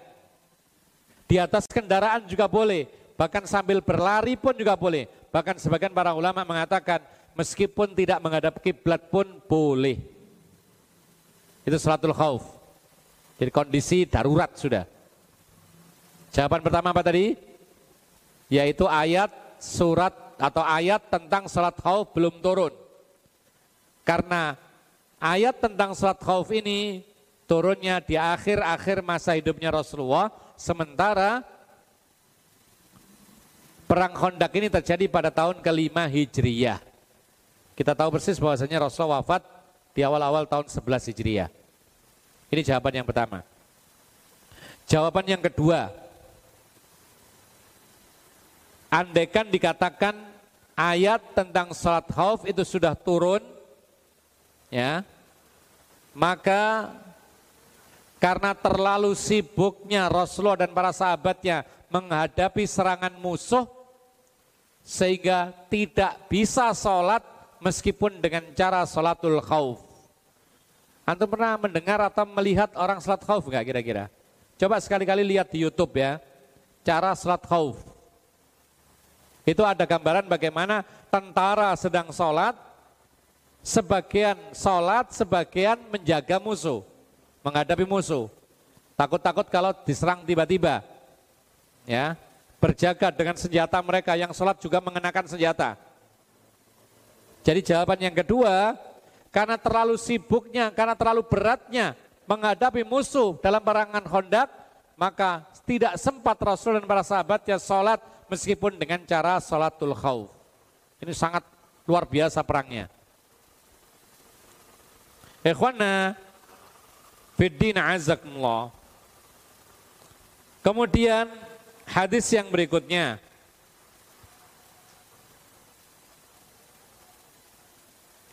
atau bab berikutnya di sini ada kalimat mengakhirkan hukum mengakhirkan salat Isya.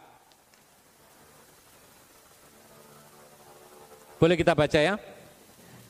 Hukum mengakhirkan salat Isya. An Abdullah bin Abbas radhiyallahu an radhiyallahu anhuma qala a'taman nabiyyu sallallahu alaihi wasallam bil isya'i fa kharaja Umaru fa qala as-salatu ya Rasulullah raqadan nisa'u was-sibyan fa kharaja wa ra'suhu yaqturu yaqul laula an asyqa ala ummati au ala nasi la amartuhum bi hadhihi salati hadhihi sa'ah. Silakan diterjemahkan.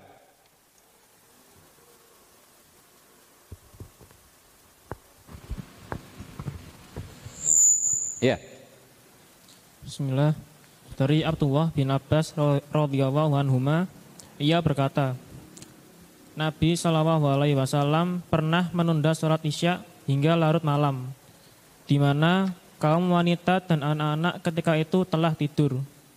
Lalu beliau keluar dalam keadaan rambut beliau basah, meneteskan air sambil bersabda, Kalau bukan aku khawatir memberatkan umatku, atau manusia, tentu aku suruh mereka melakukan sholat isya di waktu ini. Baik. Rasulullah Wasallam kata Aisyah radhiallahu anha menjelaskan bagaimana Rasulullah pernah menunda sholat isya sampai larut malam. Di situ dikenal dengan istilah atama. Atama itu waktu atama pakai ain. Atama itu waktu di mana orang-orang Badui menunggu-nunggu waktu gelap, memerah susu binatang peliharaannya, ditunggu waktu yang sangat gelap karena takut diketahui orang lalu diminta. Itu atama. Jadi karena pelit. Jadi orang-orang Badui yang pelit-pelit punya peliharaan onta, sapi, kambing yang betina yang bisa mengeluarkan susu, ya, waktu memerahnya itu ditunggu-tunggu sampai sangat-sangat gelap. Tidak cukup waktu isya jam 7 enggak. Jadi yang sangat-sangat sudah sangat gelap. Kapan itu? Akhir sepertiga malam pertama. Itu atama. Akhir sepertiga malam yang pertama. Satu malam itu dibagi tiga. Ya. Sepertiga pertama, sepertiga kedua, sepertiga ketiga. Sepertiga pertama, akhirnya itulah atama. Jadi kalau kita ambil gampangnya, kalau malam itu mulainya jam 6, ya selesainya jam 6 pagi, itu mudah baginya. Ini gambaran pembagian yang mudah. Jadi malam itu maghrib sampai subuh besok, itu malam. Kalau subuh sampai maghrib itu namanya hari. Sekarang ini hari atau malam? Hah? Hari. Ini hari apa hari apa ini? Hari Jumat. Nanti maghrib itu bukan hari lagi tapi malam Sabtu. Nanti maghrib. Paham ya? Jadi kalau ada anak lahir misalnya nanti jam 7 malam, itu bukan hari Jumat lagi, tapi malam Sabtu. Nanti berkaitan dengan hitungan akikohnya juga jangan salah. Jadi kalau misalnya anak itu lahir nanti malam jam 7 malam, itu akikohnya hari apa? Ada yang tahu? Akikohnya hari apa? Hah? Hari pertamanya apa? Bukan Jumat karena itu sudah malam, malam Sabtu. Berarti hari pertamanya Sabtu. Berarti hari ketujuhnya adalah yaitu dikurangi satu hari sepekannya, yaitu hari Jumat. Coba dihitung, Sabtu, ini satu, hari pertama. Ahad, Senin, Selasa, Rabu, Kamis, Jumat. Ini hari ke tujuh.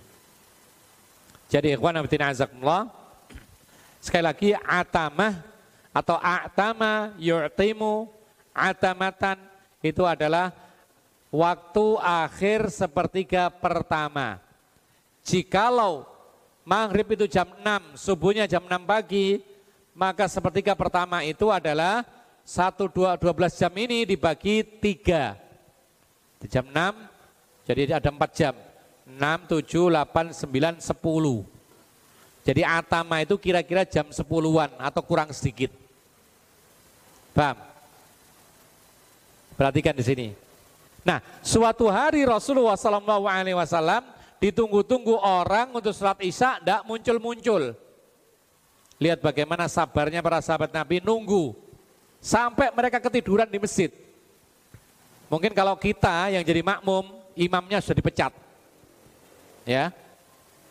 Sudah dipecat imamnya karena terlambat. Ini enggak, para sahabat sabar menunggu sampai ketiduran di masjid. Ketika larut malam, sepertiga malam pertama itu habis, Tiba-tiba datang Rasulullah SAW dalam kondisi meneteskan air bekas bersuci. Kemudian Umar menegur Rasulullah, tapi dengan sopan, wahai Rasulullah sholat, jam sekian ini sholat, wahai Rasulullah Isya. Maka Rasulullah SAW mengatakan, ya, andaikan aku tidak memberatkan umatku, maka aku akan sholat Isya jam sekian ini. Dan aku perintahkan manusia sholat isya saat malam larut ini. Jam berapa tadi kira-kira? Jam 10 atau kira-kira kurang sedikit lah, setengah 10, jam 10 gitu. Dan itu adalah waktu-waktu anak-anak dan ibu-ibu mulai tidur. Ini pas ini. Coba tanya ibu-ibu biasanya tidurnya jam berapa? Antara jam 9 sampai jam 10. Anak-anak juga demikian. Secara fitrah. Ya. Anak-anak itu tidurnya jam 9, Bahkan kadang-kadang kalau dia lelah tidak tidur siang jam 8 sudah tidur gitu loh.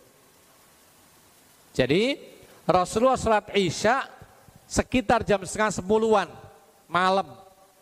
Kemudian ditegur oleh Umar, malah Rasulullah mengatakan, andaikan aku tidak memberatkan umatku, ini aku perintah para sahabatku untuk sholat Isya di larut malam. Bahkan dalam riwayat yang lain mengatakan, innaha innahu la waktuha. Laula an asyuqa ala umati. Sesungguhnya inilah waktu yang bagus untuk sholat isya. Tapi syaratnya kalau aku tidak memberati umatku. Kemudian sholatlah Rasulullah Sallallahu Alaihi Wasallam sholat isya. Ikhwana fiddin azakumullah. Maka di sini menunjukkan kepada kita bahwasanya sholat isya itu yang afdal diawalkan atau ditunda? Apa jawabnya? Siapa yang bisa?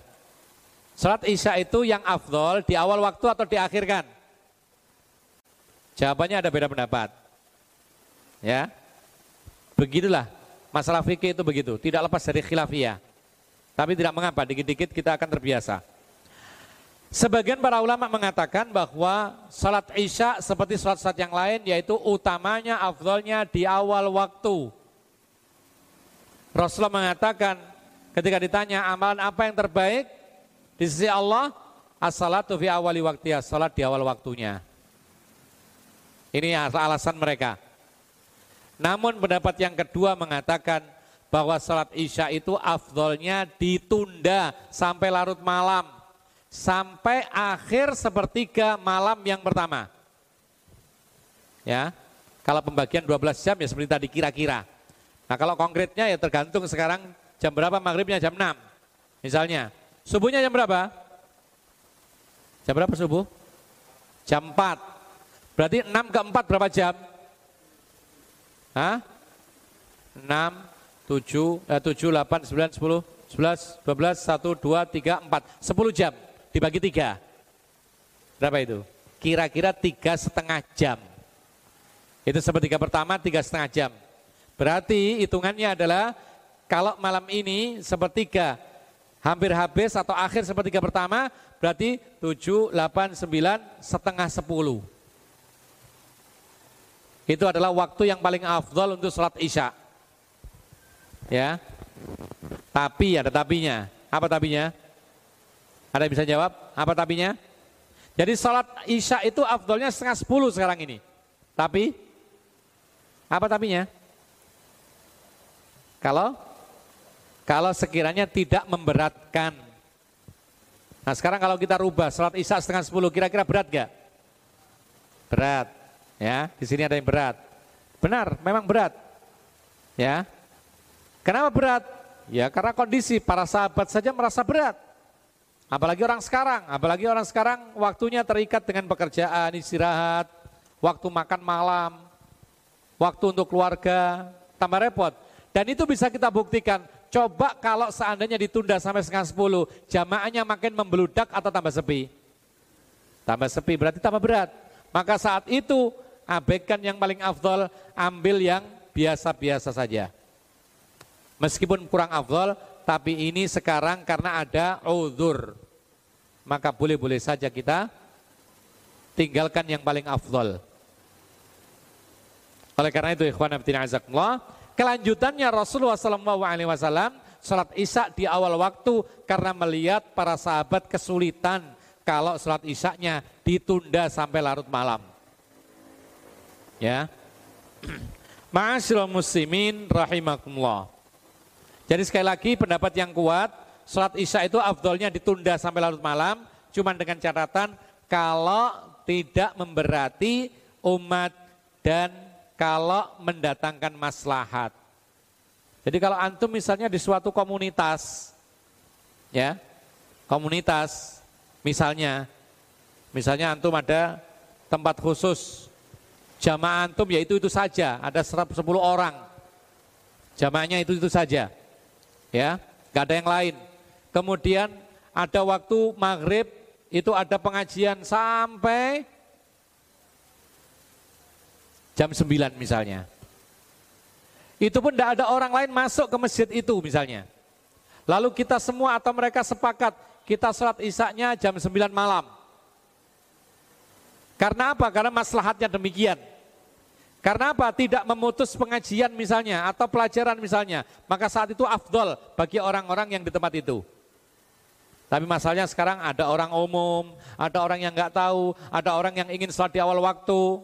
Maka seperti ini jangan dilakukan menunda sholat isya. Lakukan di awal waktunya lebih utama saat itu. Ikhwana fiddina azakumullah. Kemudian ada sebuah kaidah dari hadis ini al-masyaqqatu tajlibut taisir masyakkah, setiap ada kesulitan maka akan datang kemudahan. Ya. Makanya Rasulullah sebenarnya ingin mengadakan salat Isya itu larut malam. Tapi karena ada kesulitan, datanglah kemudahan, akhirnya salat di awal waktunya. Seperti itu Rasulullah Sallallahu Alaihi Wasallam. Jadi setiap kesulitan pasti ada kemudahan. Allah juga mengatakan inna ma'al usri yusra wa inna ma'al usri yusra. Sesungguhnya dalam kesulitan pasti ada kemudahan dan sesungguhnya dalam kesulitan itu pasti ada kemudahan. Kesulitan apa pun bentuknya, pasti suatu ketika ada kemudahan. Kita sekarang mungkin semua serba terbatas karena corona. Ya, mau begini nggak bisa, mau begitu nggak bisa, mau pergi pakai pesawat kesulitan, pakai kereta juga ada kendala. Mau berkumpul-kumpul mengadakan apa, tidak bisa. Tablik akbar juga tidak bisa, kendala. Kita kesulitan. Maka ingat Allah menjanjikan, Inna ma'al usri yusra wa inna ma'al usri yusra. Sesungguhnya bersama kesulitan ada kemudahan dan bersama kesulitan itu ada kemudahan berikutnya. Ada dua kemudahan di dalam satu kesulitan. Ini orang Islam positif memikirnya demikian. Ya, optimis. Jangan pesimis seperti sebagian penceramah. Menakut-nakuti umat mengatakan tahun 2001 tahun gelap. Tahun penuh kesulitan sehingga orang pesimis. Tidak demikian, tidak seperti ayat Allah Subhanahu wa taala, "Inna ma'al usri yusra." Wa inna ma'al usri yusra. Kita harus optimis. Beri kabar gembira. Rasulullah mengatakan, "Yassiru wala tu'asiru." Kasih kemudahan, jangan kau persulit. Basyiru wala tunafiru, kasih kabar gembira, jangan dikasih kabar yang susah-susah. Ini tidak ada sebagian penceramah, ceramahnya itu selalu membuat orang sedih. Selalu membuat orang takut. Apa-apa takut, apa-apa takut. Ini bukan petunjuk Rasulullah Sallallahu. Memang ada orang bertaubat dari kemaksiatan, tapi caranya tidak demikian Rasulullah Sallallahu Alaihi Wasallam mengajarkannya. Kemudian ikhwan nafiddin azakumullah, cukup? uh, habis waktu kita jam 5 lebih 40 menit atau 39 menit. Kita akan uh, tutup kajian ini dan kita akan lanjutkan setelah sholat maghrib. Sekarang istirahat dulu dan mudah-mudahan kita bisa melanjutkan ba'da maghrib dan nanti juga ba'da isya insya Allah ada kelanjutan lagi. Allahu alam wa akhiru da'wana anil alamin. Wassalamualaikum warahmatullahi wabarakatuh.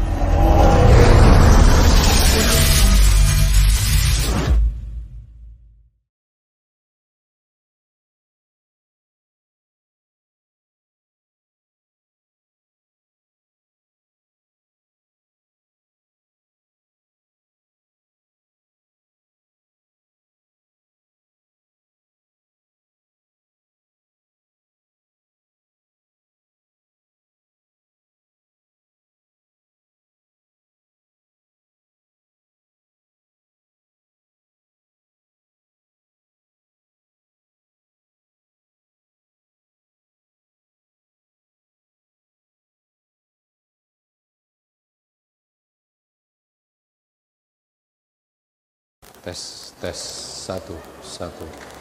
Tes satu satu. Satu tes satu. Satu. Tes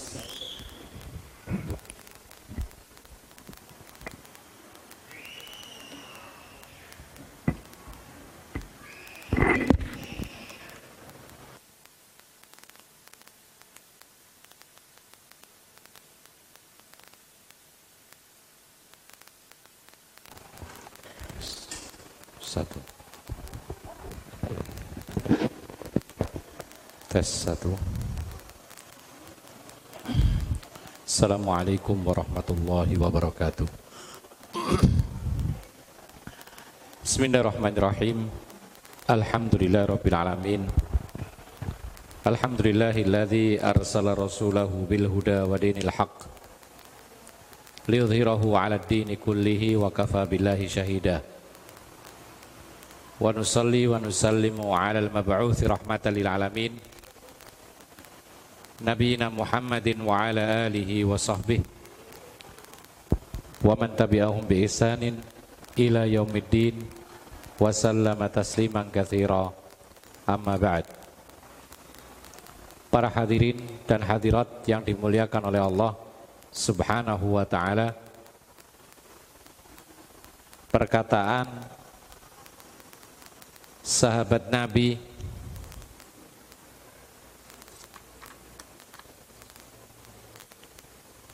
Abdullah bin Abbas radhiyallahu an menjelaskan tentang Nabi Shallallahu Alaihi Wasallam melaksanakan sholat isya di waktu yang sangat larut malam. Kemudian ditegur oleh Umar, apakah sholat isya semalam ini wahai Rasulullah? Lalu Umar memberikan alasan, kaum wanita dan anak-anak sudah pada tidur. Disebutkan oleh para ulama bahwa ini menunjukkan bahwa sebagian anak-anak dan kaum wanita pada zaman Rasulullah SAW mereka ikut sholat berjamaah di masjid sebagian jadi sebagian sahabiat ibu-ibu atau remaja putri itu ikut sholat isyak berjamaah di masjid. Dan memang wanita boleh-boleh saja ikut sholat berjamaah di masjid. Namun demikian, meskipun Rasulullah berkata kepada kaum laki-laki, La tamna'u ima Allahi masajidahu. Jangan kalian larang wanita-wanita yang ingin mengunjungi masjid-masjidnya Allah. Namun demikian Rasulullah memberikan penutup perkataannya dengan perkataan wa buyutuhunna khairun lahunna. Sementara rumah itu lebih baik bagi mereka kaum wanita. Oleh karena itu dari perkataan ini ada dua hukum bagi wanita untuk sholat di masjid. Apa hukumnya? Jelas boleh. Ini yang pertama. Karena Rasulullah melarang kita kaum laki-laki untuk mencegah wanita ke masjid. Lalu ada hal yang kedua disebutkan oleh para ulama. Mana yang lebih afdol perempuan itu di masjid atau di rumah jelas perempuan lebih afdol sholat di rumahnya oleh karena itu, kebolehan wanita sholat di masjid itu ada beberapa syaratnya. Nanti kita lihat, kalau memang terpenuhi syaratnya, kita sebagai kaum laki-laki tidak boleh mencegah. Tapi kalau tidak terpenuhi syaratnya, maka kita sebagai wali atau kaum laki-laki harus mencegah mereka demi menyelamatkan mereka dari perbuatan dosa.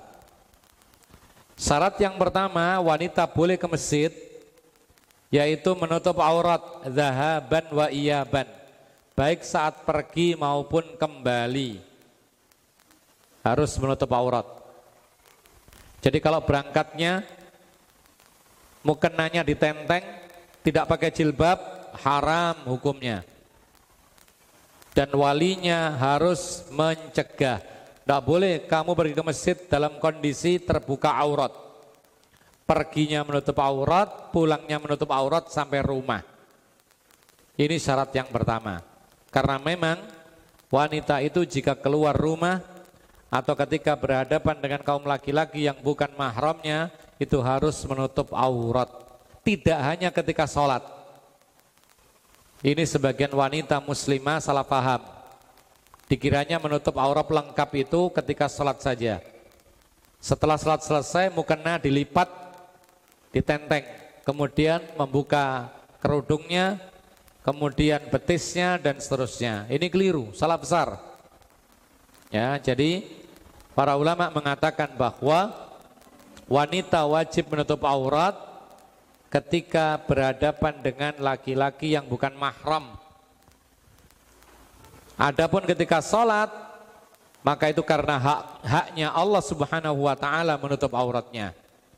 Bahkan kalau kita ditanya tentang aurat wanita,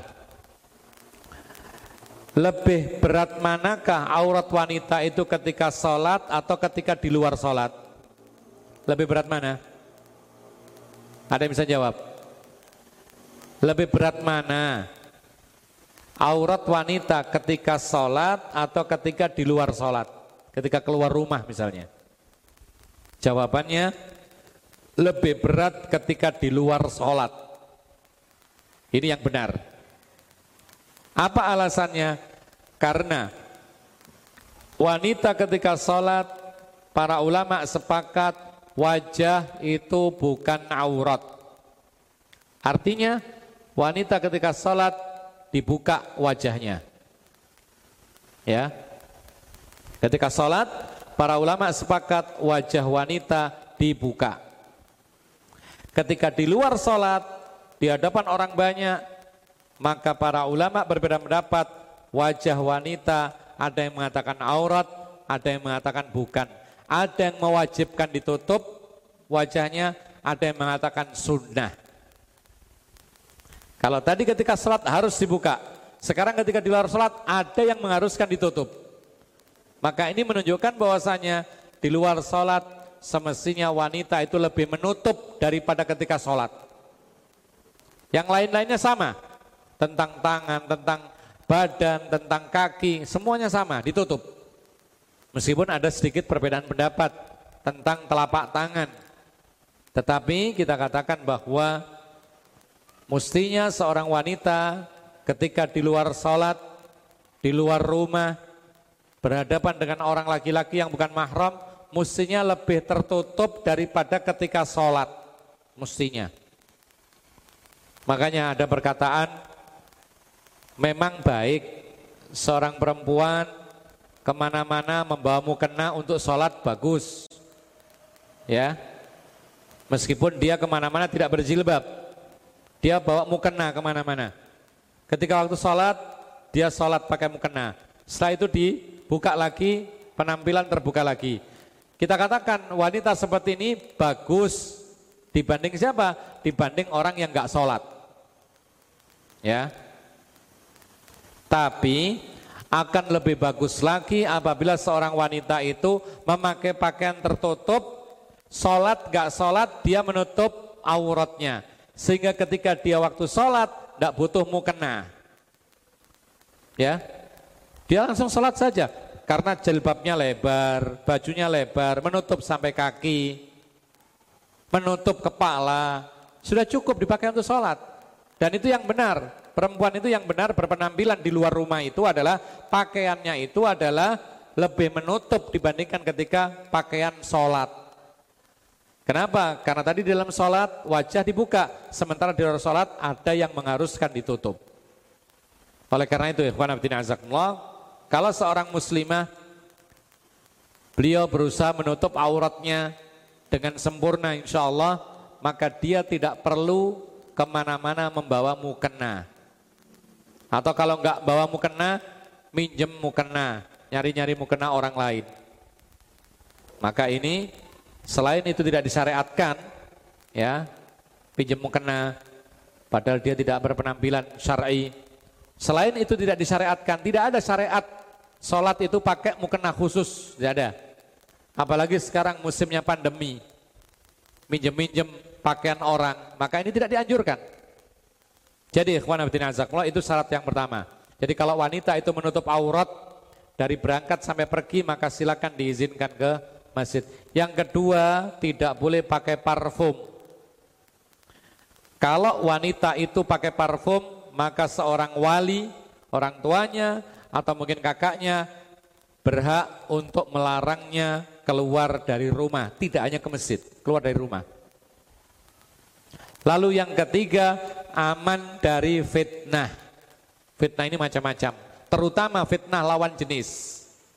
Ke masjid tapi ternyata ketemuan dengan laki-laki, haram hukumnya. Orang tua, para wali wajib melarang kaum wanita ke, ke masjid kalau terjadi fitnah. yaitu fitnah lawan jenis terutama. Berkholwat, berduaan dengan laki-laki, atau mungkin tempatnya tidak aman, mengkhawatirkan bagi seorang wanita, maka ini pun juga dilarang. Ikhwan nafidin azakumullah. Berikutnya, kita masih membahas tentang Rasulullah SAW menunda salat isya sampai kapan tadi? Sampai akhir sepertiga pertama. Kalau sekarang kira-kira jam berapa? Setengah sepuluh kira-kira. Itu yang afdol. Karena Rasulullah telah mengatakan innahu la waktuha. Itulah waktu yang terbaik. Tapi kapan? Kalau tidak memberatkan. Maka kalau memberatkan kembali kepada waktu yang awal. Ada sebuah perkataan disebutkan oleh para ulama bahwa qad yakunul mafdhulu afdhala li sababin. Kadang-kadang perkara yang paling utama atau yang lebih utama itu afan. Kadang-kadang perkara yang bukan paling utama itu menjadi lebih utama karena ada sebab. Kita praktekkan kaidah ini. Mungkin antum belajar kaidah fikih ya? Iya, betul ya. Ada sebuah kaidah, mungkin nanti akan sampai kepadanya. Sesuatu yang asalnya bukan paling afdol, bukan paling utama, itu bisa menjadi paling utama karena ada sebab. Sekali lagi, kami ulang. Diambil dari kisah ini, sebuah kaidah sesuatu yang asalnya bukan paling utama itu bisa saja menjadi paling utama ketika ada sebabnya. Kita praktekkan kisah ini. Yang paling utama salat isya itu ditunda atau di awal waktu? Ah, jawab. Ditunda. Tapi karena menyulitkan orang, maka ditinggalkan yang lebih utama, ambil yang bukan paling utama, yaitu kembali ke awal waktu. Ini prakteknya. Jadi Rasulullah meninggalkan yang paling utama, padahal dia sendiri mengatakan ini yang lebih baik. Tapi karena merepotkan, ini sebab, maka menjadikan yaitu yang tidak paling utama menjadi lebih utama, yaitu isyaknya diawalkan. Untuk kemaslahatan bersama, menghindari masyakoh kesulitan kepada umat. Ini ada beberapa contoh yang disebutkan oleh para ulama. Contoh, misal, mungkin kita merasa aneh tentang perintah Nabi Shallallahu Alaihi Wasallam untuk menjilati jari jemari setelah makan sebelum mencuci tangan. Itu hukumnya apa? Sunnah. Ya. Jadi fala yamsah qabla an yal'aqaha. Idza akala ahadukum fala yamsah yadahu qabla an yal'aqaha. Kalau orang itu makan maka jangan dicuci tangan melainkan jilati dulu bekasnya. Ini sunnah. Paham? Antum melakukan hal ini? Kalau di rumah, kalau di restoran, enggak kan? Nah, sekarang apakah kita berdosa kalau tidak melakukan padahal itu perintah Nabi? Jawabnya, pertama kita harus tekankan bahwa itu tidak wajib tapi sunnah anjuran. Anjuran untuk menyelesaikan nikmat Allah sekecil apa pun di tangan kita. Dan kita tidak tahu titik makanan mana yang penuh berkah. Barangkali saja ada satu biji makanan yang ada di tangan itu yang berkah, lalu kita basuh, terbuang. Sehingga kita makan, kita jilat dan semisalnya. Dan itu menunjukkan orang yang menjilat tangan ketika makan selesai, itu menunjukkan kebutuhan manusia kepada Allah yang maha kaya, yang maha memberi rezeki. Karena manusia itu fakir. Antumul fuqara wallahu huwal ghani. Kamu semua itu adalah orang-orang fakir yang paling kaya hanyalah Allah. Maka pantas kalau kita ini makan, selesai makan kita jilat. Ini termasuk sunnah.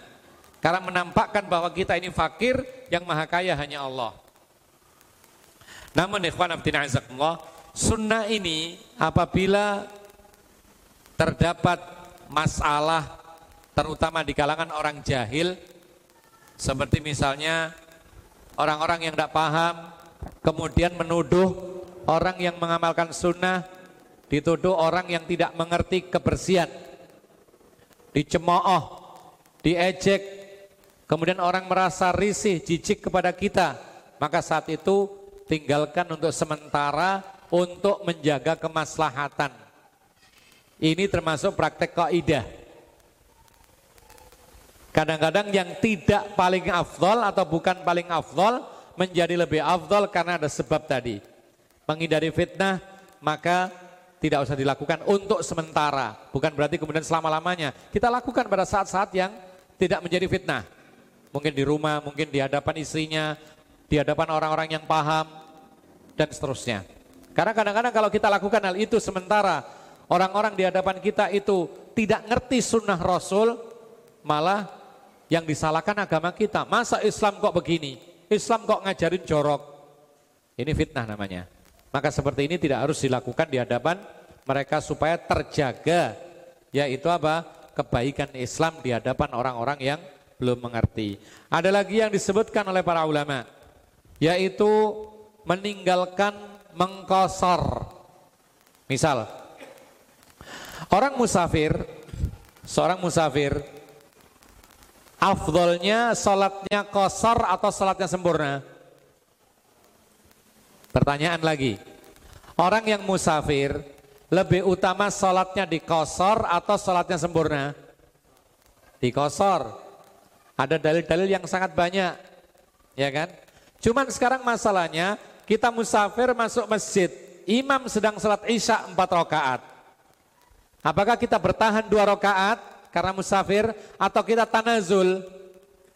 Kita ikut imam. Jawabannya mana? Kita ikut imam dan itu perintah Rasulullah Wasallam.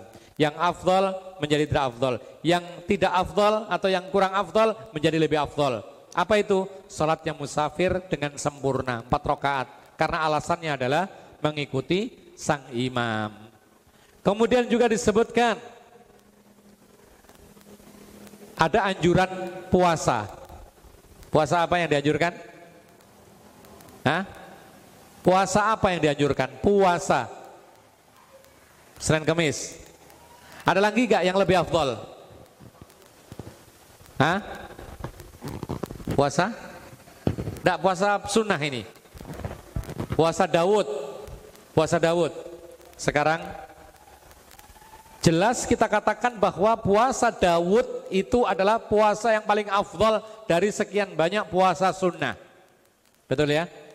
Rasulullah mengatakan la afdala min siyami Daud tidak ada yang lebih afdal dibandingkan puasa Daud. Tapi kenapa antum tidak puasa Daud? Ah, apa jawabnya? Karena ada alasan. Karena saya mampunya misalnya Senin Kemis. Kalau dipakai puasa Daud terbengkalai urusan-urusan rumah tangga. Pekerjaan terbengkalai dan lain sebagainya. Berarti saat itu yang paling afdol turun menjadi bukan paling afdol. Yang bukan paling afdol menjadi afdol bagi orang yang kesulitan untuk puasa Daud. Yang menganjurkan puasa Daud Rasulullah, betul ya? Tapi apakah Rasulullah selalu puasa Daud? Tidak. Kadang-kadang puasa Senin Kemis. Kadang-kadang tidak semua karena sangat-sangat sibuk. Kadang-kadang berperang, kadang-kadang macam-macam. Maka sekarang kita katakan Kadang-kadang sesuatu yang bukan paling utama menjadi lebih utama karena ada sebab. Kadang-kadang orang itu lebih utama puasanya misalnya tiga hari dalam sebulan. Kalau memang mampunya itu.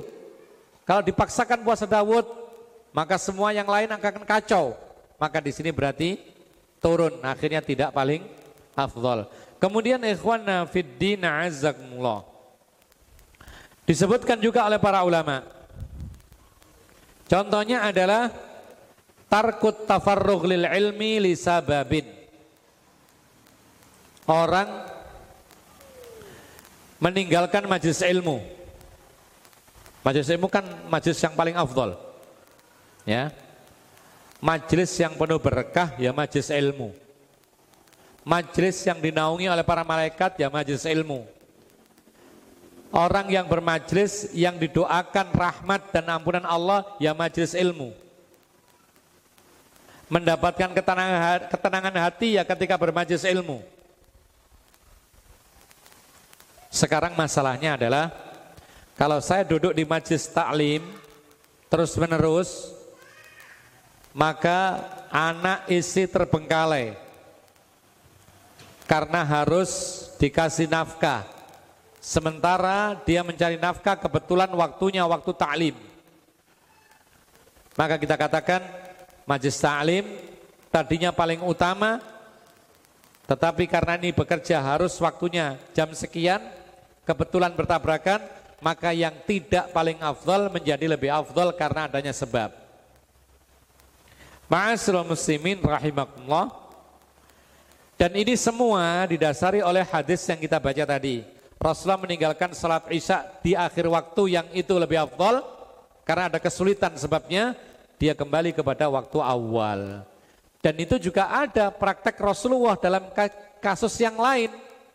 Apa itu? Dan ini lebih besar dan itu terlihat sampai sekarang. Apa itu? Rasulullah SAW membiarkan Ka'bah yang berdiri di atas pondasi yang tidak asli. Pondasinya Nabi Ibrahim dikurangi sedikit. Jadi agak persegi empat, tadinya agak panjang. Segi empat tapi panjang. Dikurangi oleh kaum jahiliyah. Ketika Rasulullah diutus menjadi Nabi, sampai kemudian dia meninggal dunia, tidak dirubah lagi menjadi Ka'bah di atas pondasinya Nabi Ibrahim. Kenapa demikian? Karena dikhawatirkan terjadi fitnah. Kalau dibongkar Ka'bah lalu dibangun lagi, dikhawatirkan ada orang yang mengatakan, oh berarti nggak ada kiblat. Arah sholat sudah nggak ada, berarti nggak sholat lagi. Orang bisa murtad dan lain sebagainya. Maka dibiarkan oleh Nabi Shallallahu Alaihi Wasallam tidak dirubah, dibiarkan demikian. Ma'asyiral muslimin rahimakumullah. Kita lanjutkan Hadis yang berikutnya hukum mengakhirkan Sholat apabila makan sudah dihidangkan. Nah ini juga banyak yang salah paham.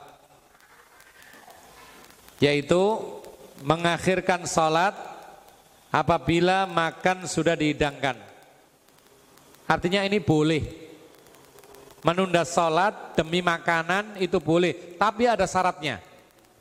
Nanti ada beberapa syarat harus kita pahami, jangan sampai salah. Jangan kemudian ketika ada makanan siap, is makan dulu aja, sholatnya nanti-nanti saja. Tidak benar. Ada beberapa syarat yang harus dikaitkan. Taib, kita baca hadisnya.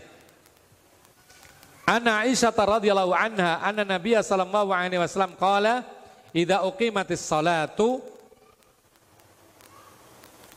wa hadara al-'asha'u fabda'u bil 'asha' wa an ibni Umar nahwuhu. Bisa diartikan?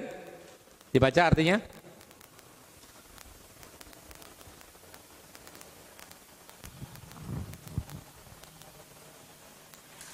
Bismillah. Dari Aisyah radhiyallahu anha bahwa Nabi Shallallahu alaihi wasallam bersabda, apabila sholat isya telah didirikan, sedangkan makan malam telah dihidangkan, maka dahulukanlah makan malam. Hmm. Terus dari Ibnu Umar? Dari Ibnu Umar juga sama seperti itu. Taib. Jadi ketika ada sholat didirikan maksudnya sudah dikumandangkan ikomatnya. Ya, kita misalnya di rumah, mau ke masjid, perut lapar, makanan siap, ditaruh di hadapan kita, mau makan, dengar ikomat, Allahu Akbar, Allahu Akbar komat. Maka seperti ini dahulukan makan. Pertanyaannya kenapa kira-kira? Kenapa kira-kira? Kok didahulukan makan? Padahal makan itu urusan perut. Sedangkan sholat urusan akhirat. Kenapa didulukan makan?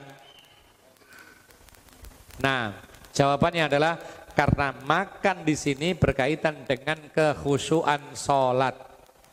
Sedangkan kekhusyuan sholat itu adalah inti daripada ibadah sholat itu sendiri. Oleh karena itu, ikhwanna fiddin azakumullah.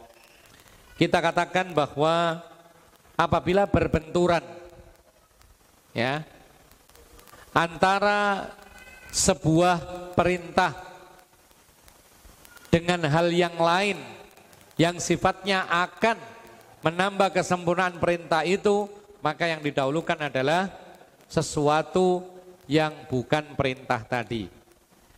Prakteknya adalah apabila berbenturan antara ikomat sholat dan makanan yang sudah siap dihidangkan atau dimakan, maka saat itu mendahulukan makanan. Baik, para ulama sepakat, hikmahnya adalah apa? untuk menyebabkan kekhusyuan sholat. Ini sepakat. Jadi hikmahnya supaya sholatnya khusyuk. Ya, dengan makan itu nanti sholatnya khusyuk. Berarti kalau nggak makan, sholatnya nggak akan khusyuk. Kalau nggak makan berarti sholatnya tidak akan khusyuk. Namun ikhwan abidina azakumullah, para ulama mengatakan bahwa mendahulukan makanan Daripada sholat itu harus terpenuhi beberapa syarat. Ini yang harus kita pahami. Sekali lagi judulnya, mendahulukan makanan daripada sholat itu harus terpenuhi beberapa syarat. Yang pertama berbenturan pas sama waktunya. Jadi mau makan, sholat dikumandangkan ikomatnya. Berbenturan. Kalau tidak berbenturan, tidak boleh mengada-ngada makanan. Kalau misalkan diikomati Allah Akbar, Allah Akbar, syadu ala ilaha illallah. Bikin mie dulu, tidak boleh. Nyalakan kompor dulu, nggak boleh. Karena tidak bertabrakan. Sholat dulu, pulang baru bikin makanan. Ini yang pertama. Karena apa? Karena lafat hadisnya adalah berbenturan antara ikomat sholat dengan makanan yang siap dimakan. Dua syaratnya. Syarat yang kedua adalah makanan itu sudah siap disantap. Makanan sudah siap disantap. Kalau masakan makanan belum siap dimakan, maka tidak kepake hadis ini. Tidak perlu bahas hadis ini, tetap sholat dulu. Yang didahulukan makanan itu kalau makanannya siap. Jadi misalnya kalau ada ikomat, wah perut lapar ini, ke warung dulu beli, tidak boleh. Karena kalau ke warung dulu beli, berarti makanan belum siap. Ya. Tapi kalau makanan sudah dihidangkan, tinggal menyantap, kok tiba-tiba ikomat, saat itulah dia mendahulukan makanan demi kekhusyuan sholatnya. Syarat yang ketiga, syarat yang ketiga, yang boleh mendahulukan makanan daripada sholatnya adalah orang yang sedang benar-benar lapar dan ingin memakan makanan tersebut yang sudah siap. Orang itu lapar dan betul-betul ingin makan makanan yang sudah siap tadi. Ya. Betul-betul lapar. Kenapa demikian? Karena itulah hikmahnya kenapa didahulukan makanan untuk kekhusuan sholat. Berarti apa? Berarti jiwanya terpaut kepada makanan. Kalau tidak tidak makan, pikirannya makanan. Makanya para ulama mengatakan tidak hanya syaratnya harus makanan siap. Tapi syarat yang berikutnya adalah betul-betul dia lapar dan ingin sekali bernafsu untuk makan makanan tersebut. Karena itulah yang menyebabkan kalau dia tidak dulukan makanan, maka dia akan tidak khusyuk dalam sholatnya. Ini syarat penting juga. Jadi jangan menjadi zohiriyah seperti ini. Pokoknya ada makanan, makan dulu wis. Terserah mau kenyang, mau tidak kenyang, mau lapar apa enggak, pokoknya ada makanan, makan dulu. Akhirnya enggak jadi sholat terus. Jadi saat yang berikutnya adalah dia betul-betul lapar dan ingin sekali merasakan makanan itu. Karena kalau tidak maka terganggu sholatnya. Kenapa saat ini demikian? Karena kadang-kadang ada orang yang kaya raya, makanannya 24 jam siap terus. Padahal dia sedang dalam keadaan tidak kepingin makan, ya tetap sholat. Masa harus makan kan gitu. Jadi betul-betul dia itu ingin makan makanan tersebut, kalau tidak maka dia tidak akan khusyuk dalam sholatnya. Ini baru boleh. Syarat yang ke? Yang ke berapa? Tiga atau empat? Empat. Ya, empat. Syarat yang keempat yaitu Allah yadhiqal waktu. Syaratnya yang keempat adalah waktunya tidak sempit untuk sholat. Waktunya tidak sempit. Artinya mendahulukan makanan itu selesai makan, waktu sholat masih ada. Paham nggak? Jadi misalnya begini, ketika makan, waktu sholat tinggal sedikit. Kalau dia terus makan, waktu sholatnya habis. Maka seperti ini nggak boleh haram. Dia harus tinggalkan makanan, sholat dulu mengejar waktunya. Tidak apa-apa meskipun kurang khusyuk. Yang penting waktunya tercapai, terkejar waktunya. Ini syarat keberapa? Empat. Yang terakhir yang kelima syaratnya adalah Allah yaj'alahu adatan. Tidak boleh dijadikan kebiasaan. Jadi di jadwal makannya pas ikomat. Tidak boleh. Disengaja begitu, jadwalnya dipaskan. Jadwal makan kita pas ikomat salat ya, tidak boleh. Ini kebetulan saja terjadi, tidak tidak menjadi kebiasaan. Nah kalau itu terjadi tidak menjadi kebiasaan, maka ini dibolehkan. Kalau dijadikan kebiasaan, akhirnya merubah waktu sholat. Padahal Allah Subhanahu wa Rasulullah sendiri mengatakan amalan yang paling dicintai oleh Allah di antaranya adalah as-salatu fi awwali waktiha. Ikhwana fid din azakumullah.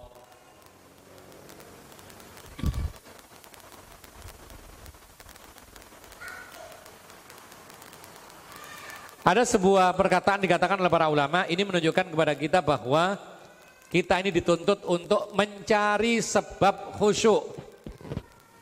Berikhtiar.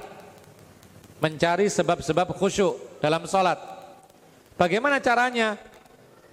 Datangkan apa saja yang bisa membuat khusyuk dan jauhkan apa saja yang membuat kurang khusyuk.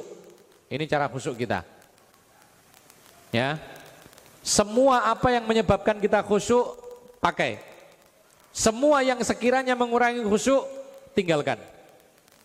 Di antara perkara yang menyebabkan kita khusyuk adalah kita mempersiapkan diri sebelum diikomati sholat. Jadi sebelum ikomat kita beranjak dari dunia kita. Ambil air wudhu, ganti baju, kemudian sholat sunnah. Persiapan. Nunggu imam datang. Bukan antum yang ditunggu, tapi menunggu imam yang datang. Sekarang kan kebanyakan kebalik. Imam yang menunggu makmum. Tengok-tengok kanan kiri nggak datang-datang. Tapi yang benar adalah makmum mendahului datangnya, kemudian menunggu imamnya sampai datang, lalu kemudian dimulai sholat. Kemudian di antara yang menambah khusyuk adalah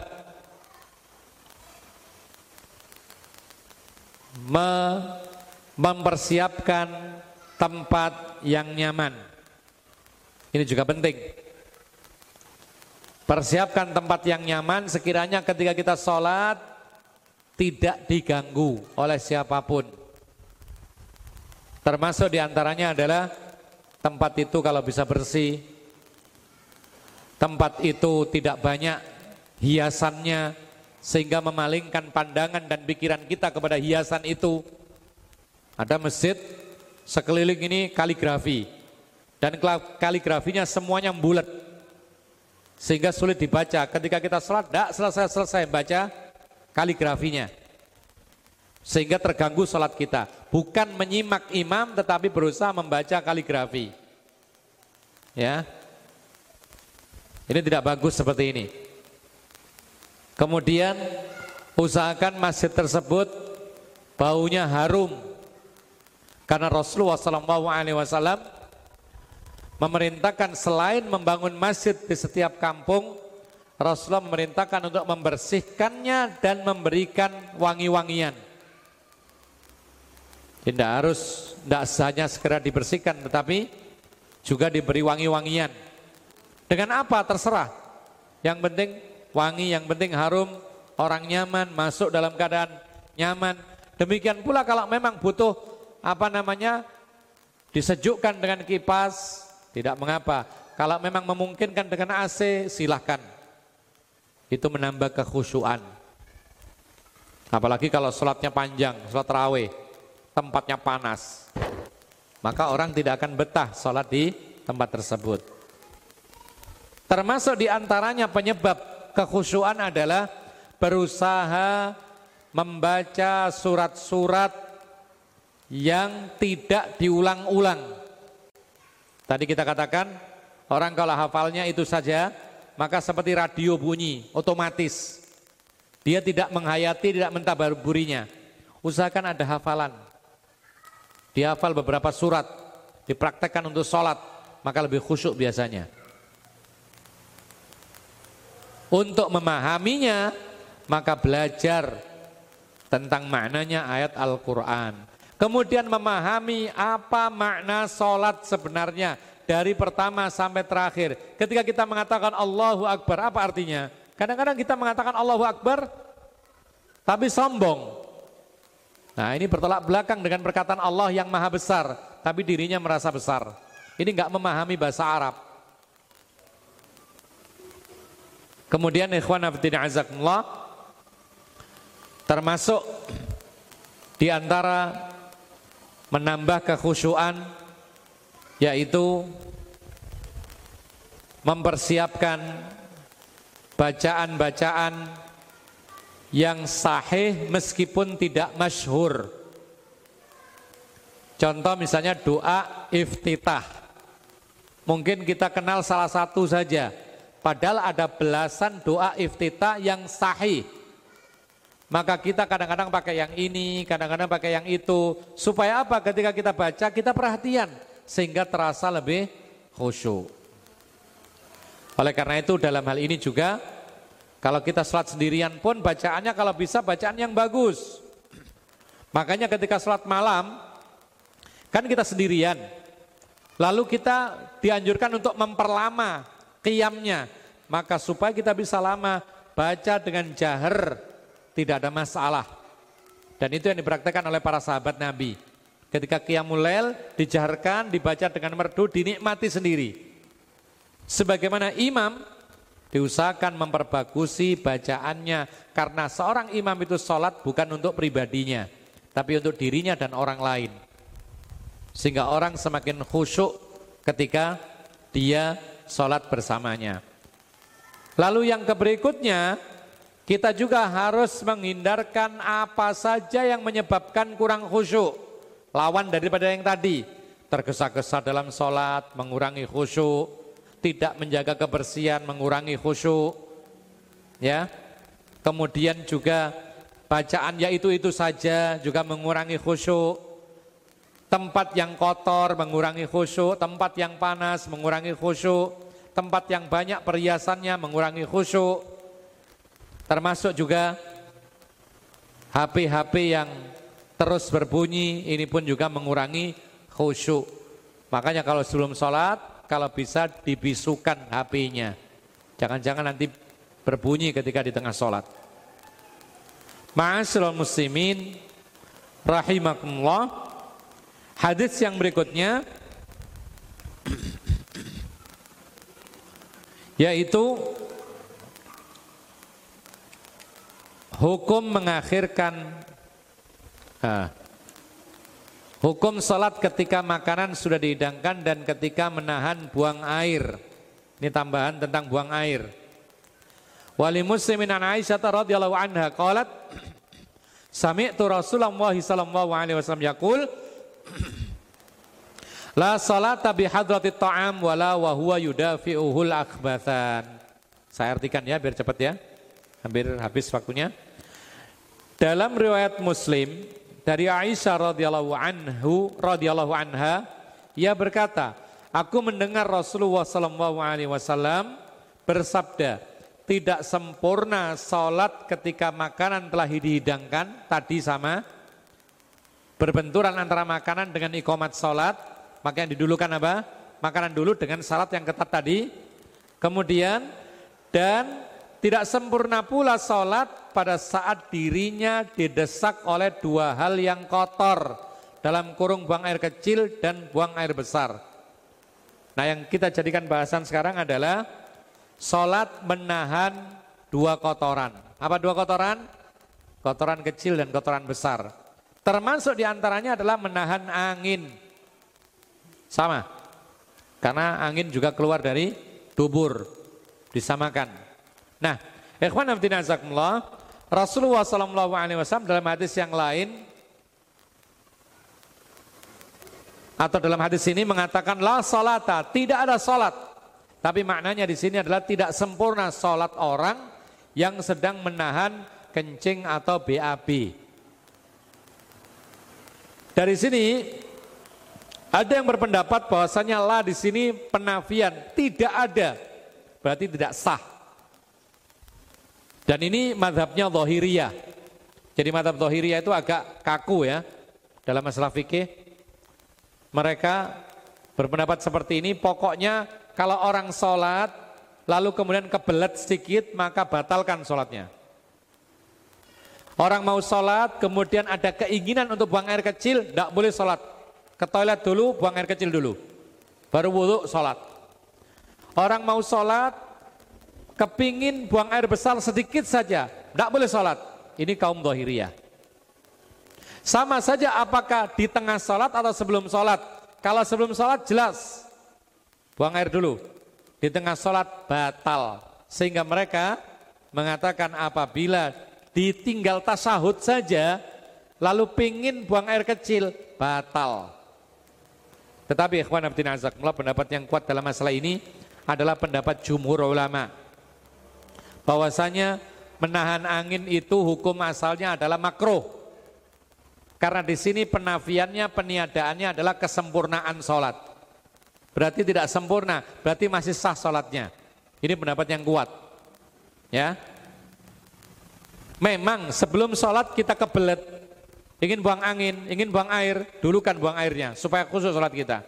Tapi yang menjadi masalah adalah ketika di tengah sholat kita kepingin buang angin, kita pingin buang air, kita pingin buang air besar. Apakah dibatalkan sholatnya? Jawabannya menurut mayoritas para ulama itu diperinci.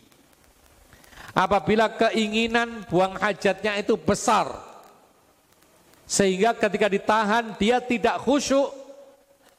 Antum mungkin pernah merasakan kebelet yang levelnya tingkat tinggi. Sampai gemeter-gemeter. Nah ini berarti tidak khusyuk. Batalkan sholat. Buang air dulu. Ya. Karena nggak ada khusyuk. Tapi kalau kebeletnya ringan, masih bisa terjaga khusyuknya, apalagi di tengah-tengah sholat, maka menurut mayoritas para ulama, teruskan sholat, jangan dibatalkan.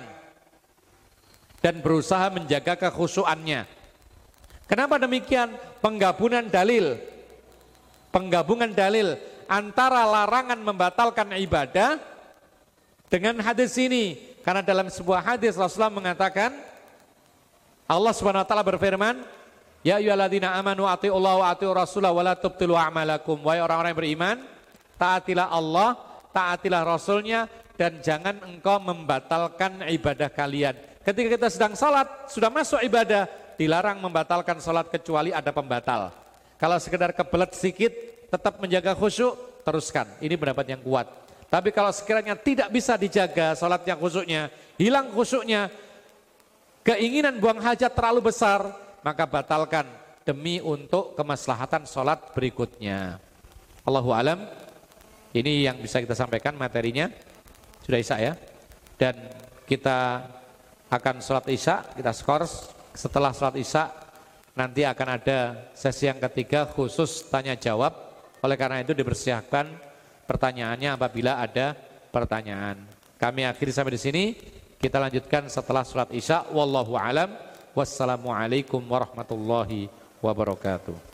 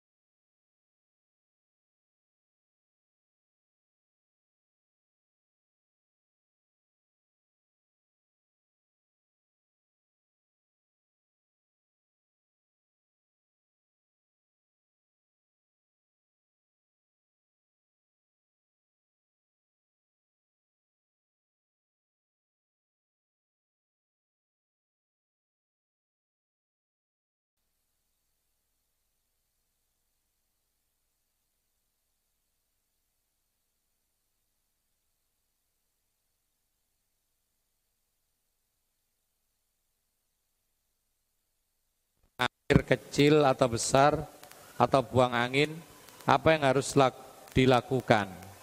Kita katakan tadi bahwa kalau memang keinginan buang hajat itu sangat berat sehingga menjadikan ia tidak akan khusyuk maka segera dibatalkan dan buang hajatnya di tempatnya mau tidak mau demikian meskipun tempatnya jauh. Maka dia menuju ke sana buang hajat lalu wudhu kemudian sholat. Seberapapun dia dapat maka dia mendapatkan udur. Tidak mengapa. Ya. Tapi kalau buang hajatnya itu hanya angin nah ini banyak yang tidak tahu ini. Kalau buang hajatnya itu hanya angin maka kalau memang bisa ditahan dan tetap terjaga khusyuknya silakan diteruskan sholatnya tapi kalau tidak bisa khusyuk kecuali mengeluarkan angin maka keluarkan. Apakah harus ke toilet? Jawabannya tidak. Lalu terus bagaimana wudhunya? Di dalam Masjidil Haram ada tempat wudhu tertentu. Jadi ada tempat-tempat khusus, biasanya di tiang yang besar, itu bawahnya itu ada rongganya, itu kadang-kadang ada tempat wudhu. Tapi hanya wudhu saja, buang air kecil bukan. Ya, atau kadang-kadang juga ada tempat yang ada banyak zam-zamnya di situ masih diizinkan untuk hanya sekedar wudhu, maka boleh wudhu di sana tanpa harus keluar dan tanpa mencari toilet. Kalau hanya keluar angin saja, tapi kalau buang air kecil, air besar ya harus ke ke toilet. Allahu alam. Ada yang mau bertanya jika ibu saya tidak sholat. Bagaimana saya sebagai anak mengingatkannya? Karena ketika saya mau mengingatkan saya sungkan sama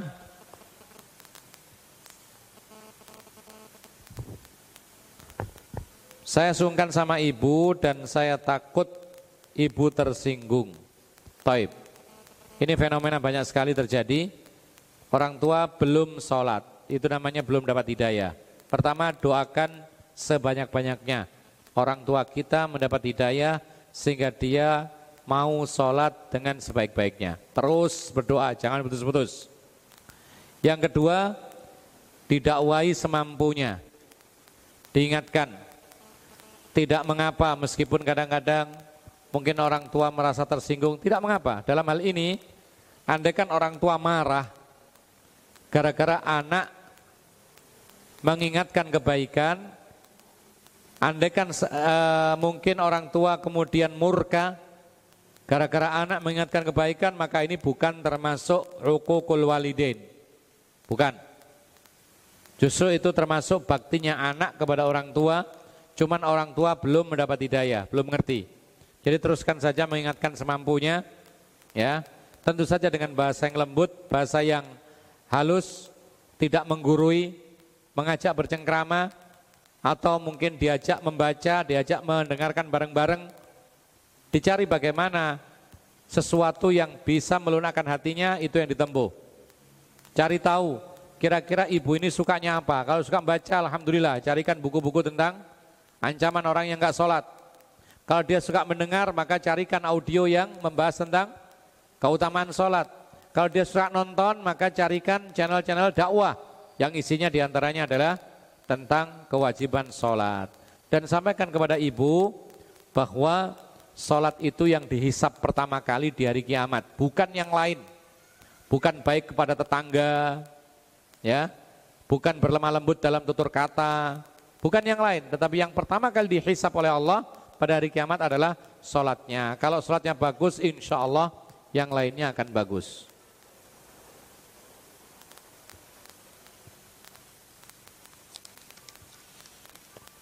Bismillah, Assalamualaikum Waalaikumsalam warahmatullahi wabarakatuh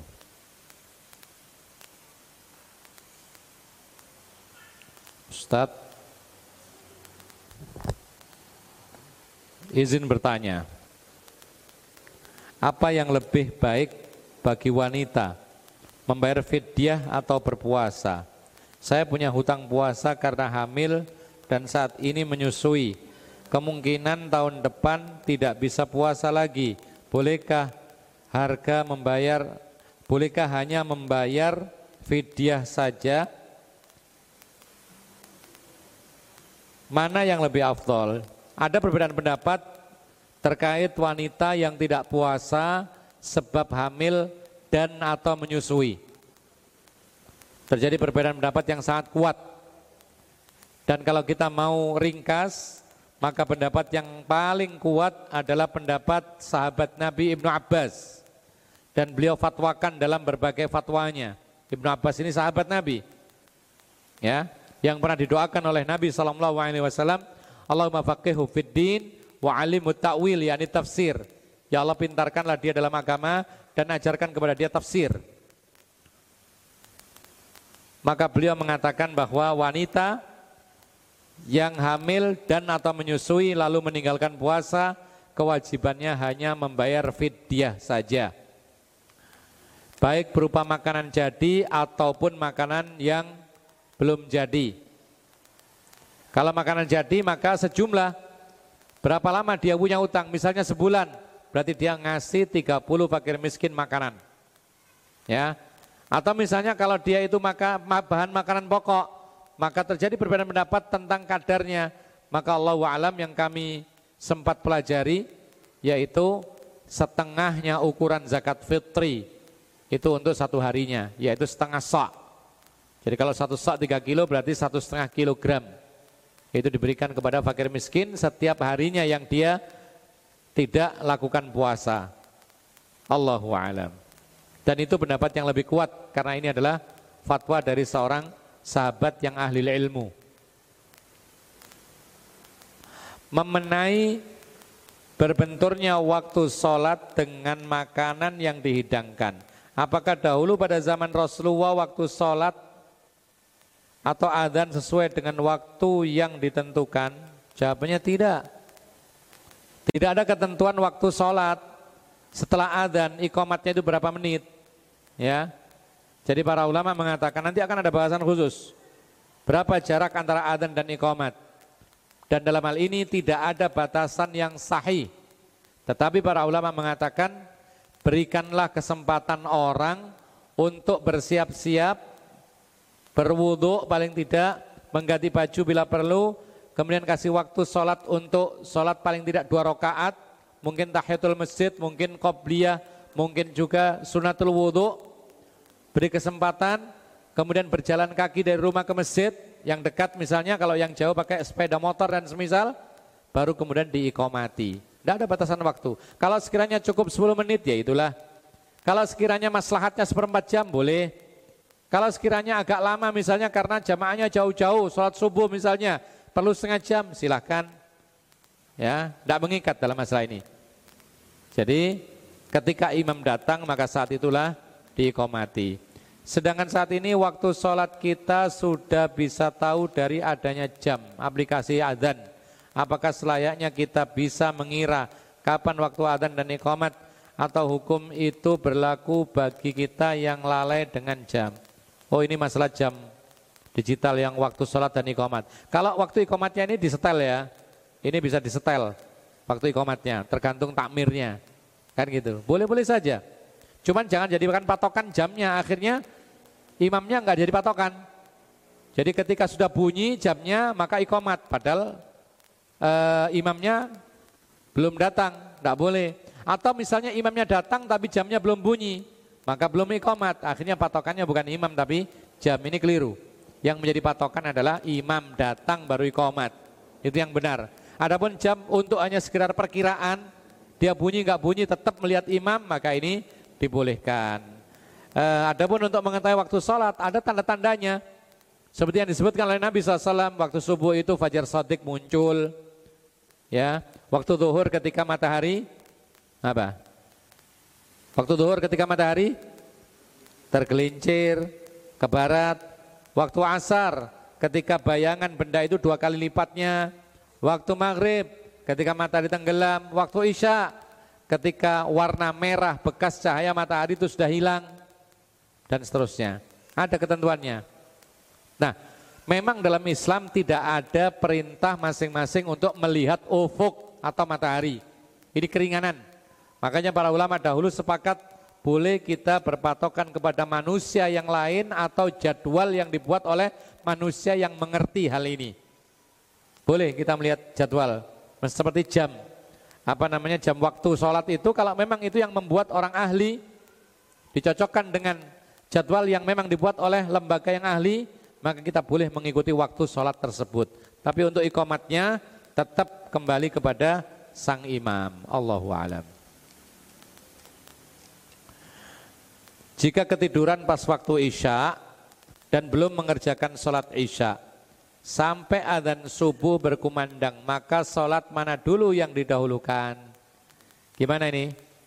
Kita lihat waktunya sholat subuh, itu panjang atau enggak, lama atau enggak. Kalau memang dia bangun pas adzan, ya isya dulu. Karena subuhnya masih bisa didapati pada waktunya.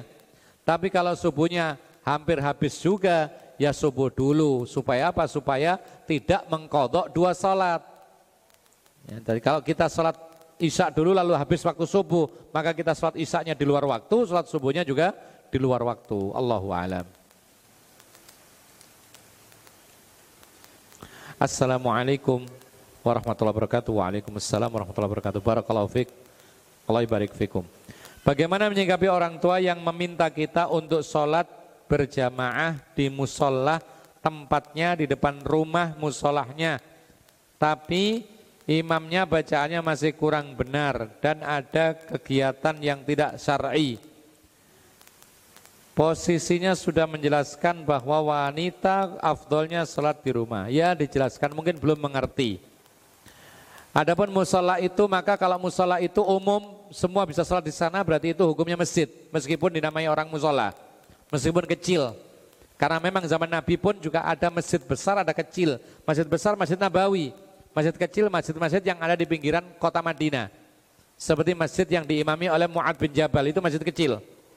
Ketika sholat Jumat ditinggalkan, tidak ada sholat Jumat. Dan itu tetap dinamai masjid. Dan menjadi masjid, hukumnya masjid.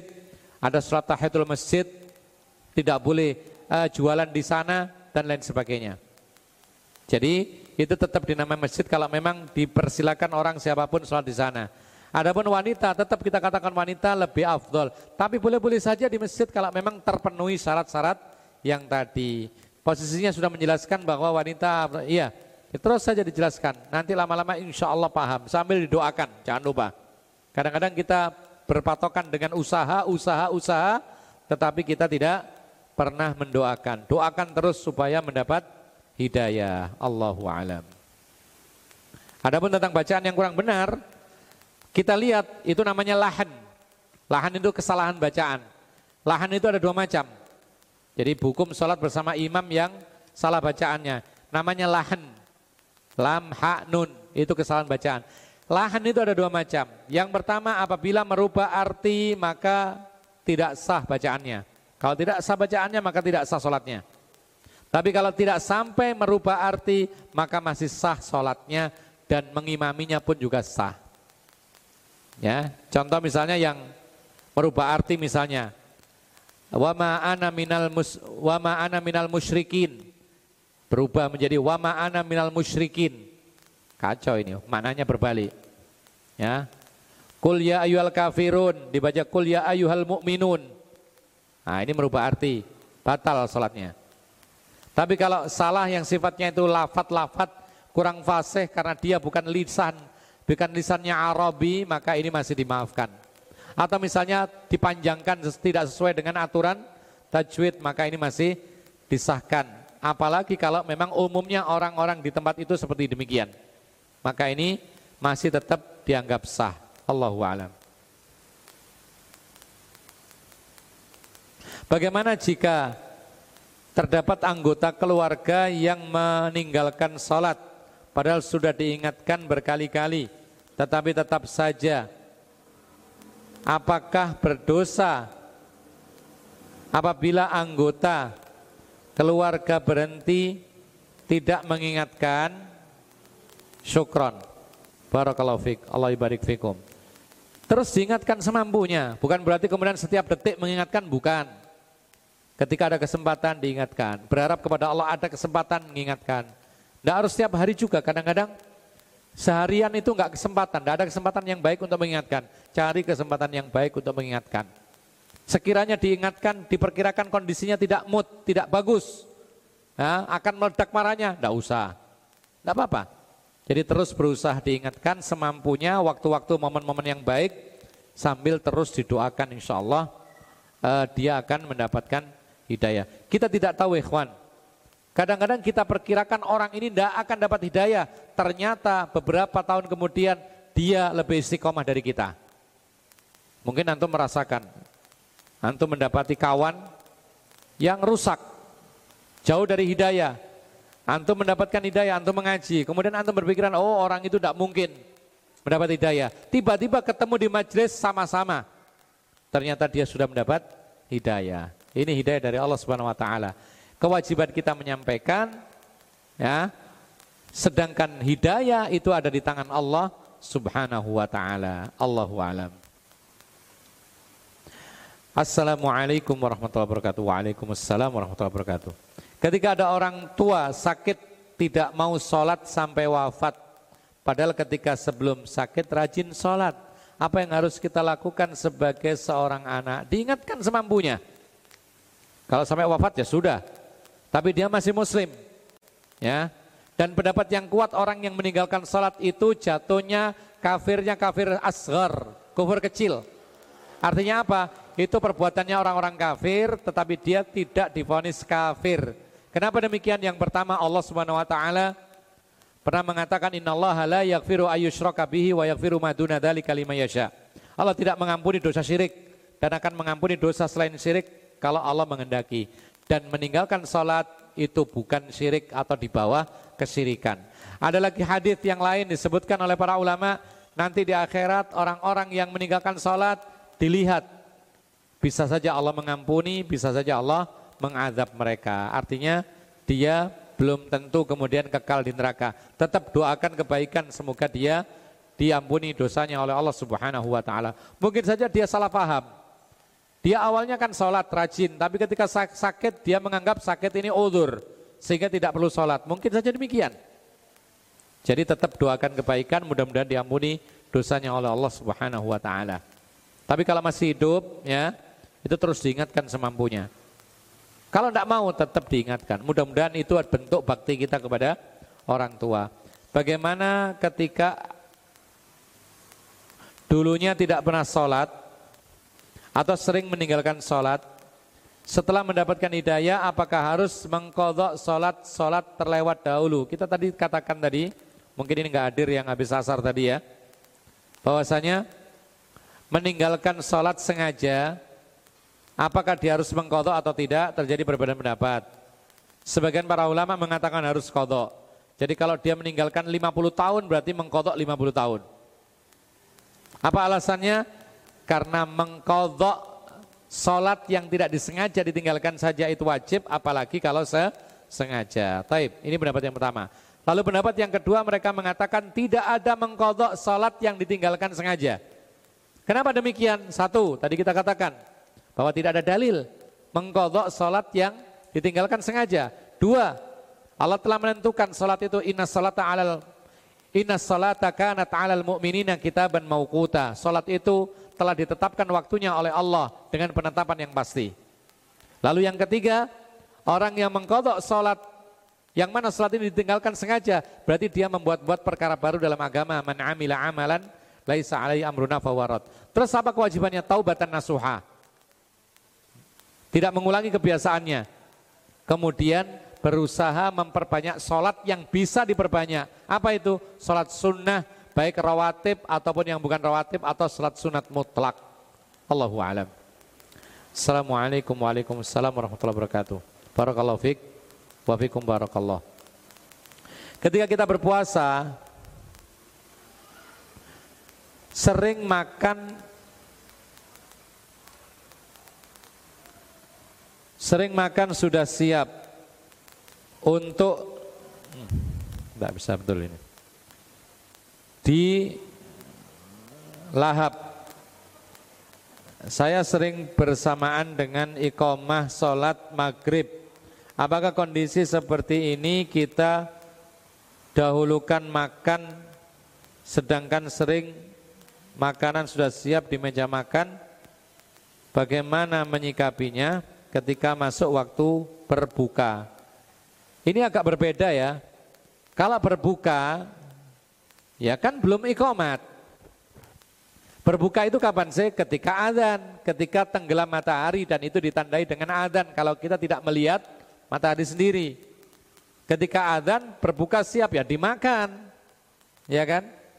Yang dimaksudkan tadi adalah berbenturan antara iqamat, sholat dengan makanan yang siap. Tapi kalau berbuka itu tidak berbenturan. Yang ada adalah adzan dengan makan. Adzan kan belum iqamat, silakan makan. Cuman Rasulullah SAW berbukanya tidak seperti kita kebanyakan. Kalau kita semua kita makan habis, ya sehingga kekenyangan kemudian sholat maghribnya tidak nyaman. Tapi Rasulullah itu kalau berbuka biasanya makan rutop kurma segar beberapa butir. Kalau tidak ada maka rutop atau kurma biasa yang kering. Kalau itu pun tidak ada maka dia meneguk beberapa tegukan air kemudian sholat. Jadi kita Masya Allah ada es campur, ada kurma, ada apalagi sirup, ada kue gorengan, ada sambusa, ada ini macam-macam. Ya, baru kemudian sholat. Ini pun sudah kenyang. Artinya apa? Di sini ada hal yang diringankan. Apabila itu hanya untuk berbuka puasa sekedar, bukan makan yang berat, itu bagus ketika adzan maghrib ketika berbuka.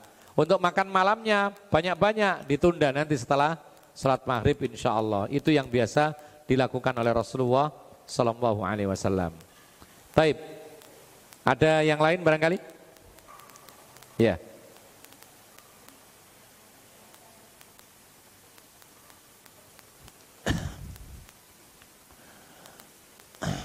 Ketika Assalamualaikum Waalaikumsalam warahmatullahi wabarakatuh. Ketika ketinggalan sholat qobliyah subuh.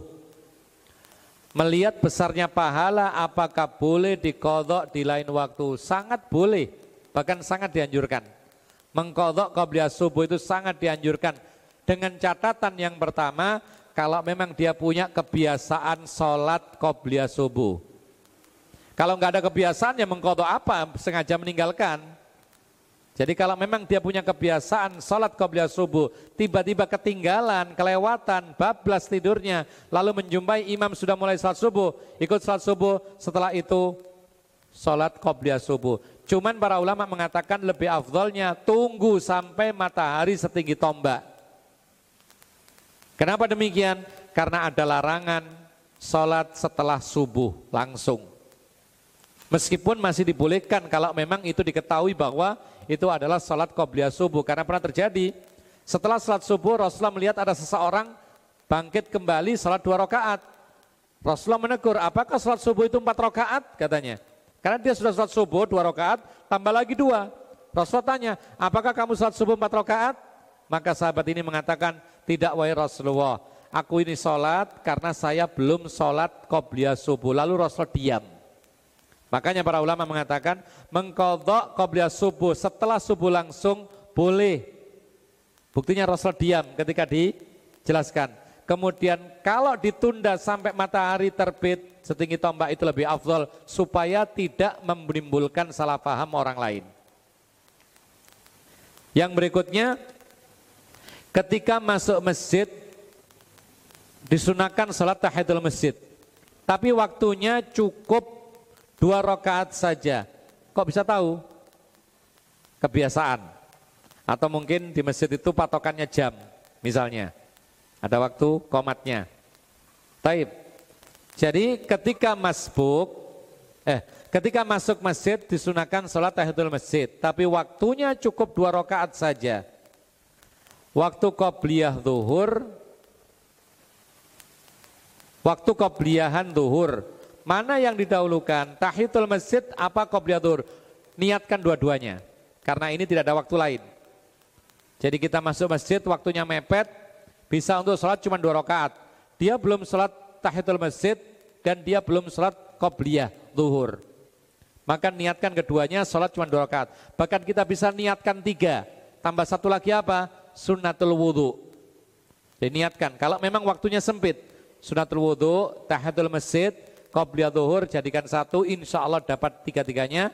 Karena Rasulullah SAW mengatakan, innamal a'malu bin niat. Allahu alam ini yang bisa kita sampaikan, mudah-mudahan bermanfaat dan mudah-mudahan dimudahkan oleh Allah Subhanahu wa taala melanjutkan kembali kajian kita.